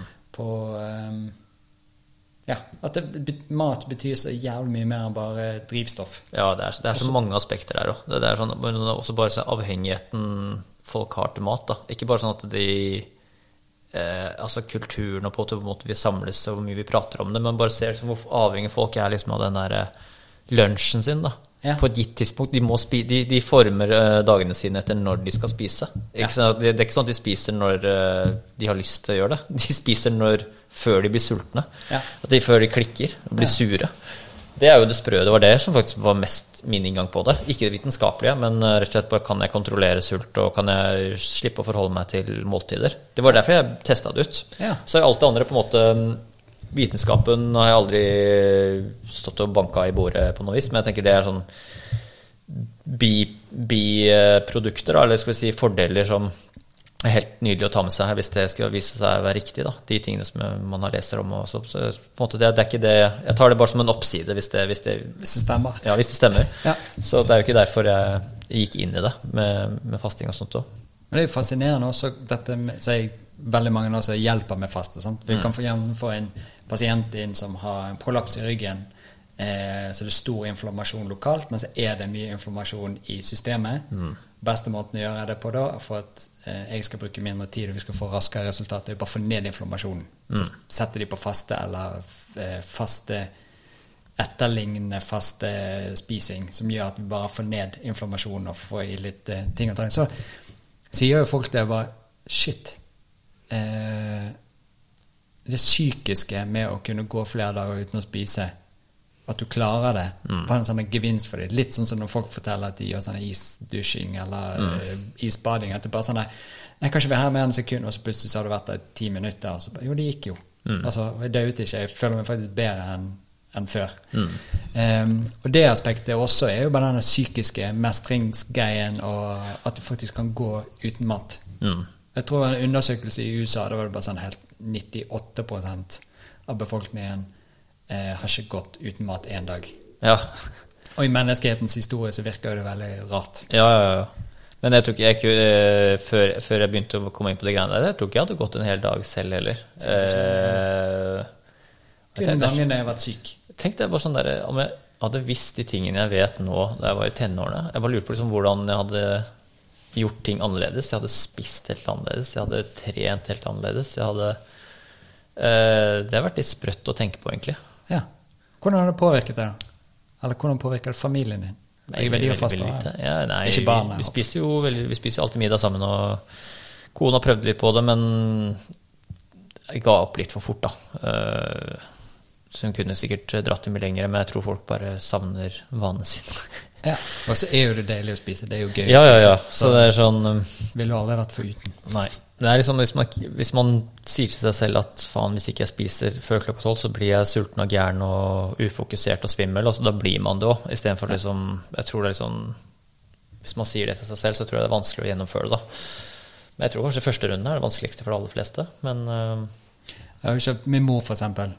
Uh, hvor gammel er hun? 73? Ja. Begynte vel med faste første gang da hun var 69 eller 70. ja. Og da var det første runden bare litt styrete. Andre var ikke noe problem. Tredje så det var piece of cake. Og det var sånn tre til fem dagers fast. Altså. Har hun gjort det? Ja, Yes. Og bare leddgikt forsvant. Og ingen, legene skjønte ingenting på blodprøver eller noen ting. Ting bare så digg ut. Ja. Ja. Og det er jo fascinerende hvor, hvor stor effekt Og det er jo ikke noe Hun skulle gjøre det første gang i to uker. Da satte jeg henne på ketogendiett to uker, og så skulle hun gå tilbake til vanlig. Så gikk det to etter, uker, og så bare Faen, er det som skjer? Jeg har jo aldri følt meg så bra i hele mitt liv, og betennelser går ned, fingre kan beveges og alt. Fasta moren din i 14 dager? Nei, da satt hun bare på en ketogen. Ah, sånn, ja, ketogen høyt, ja. Ja, ja. Fett og lav, ja. lav karbo. Og så bare fikk hun så mye positive ting etter det. da. Så hun begynte med faste, og så gjorde hun det.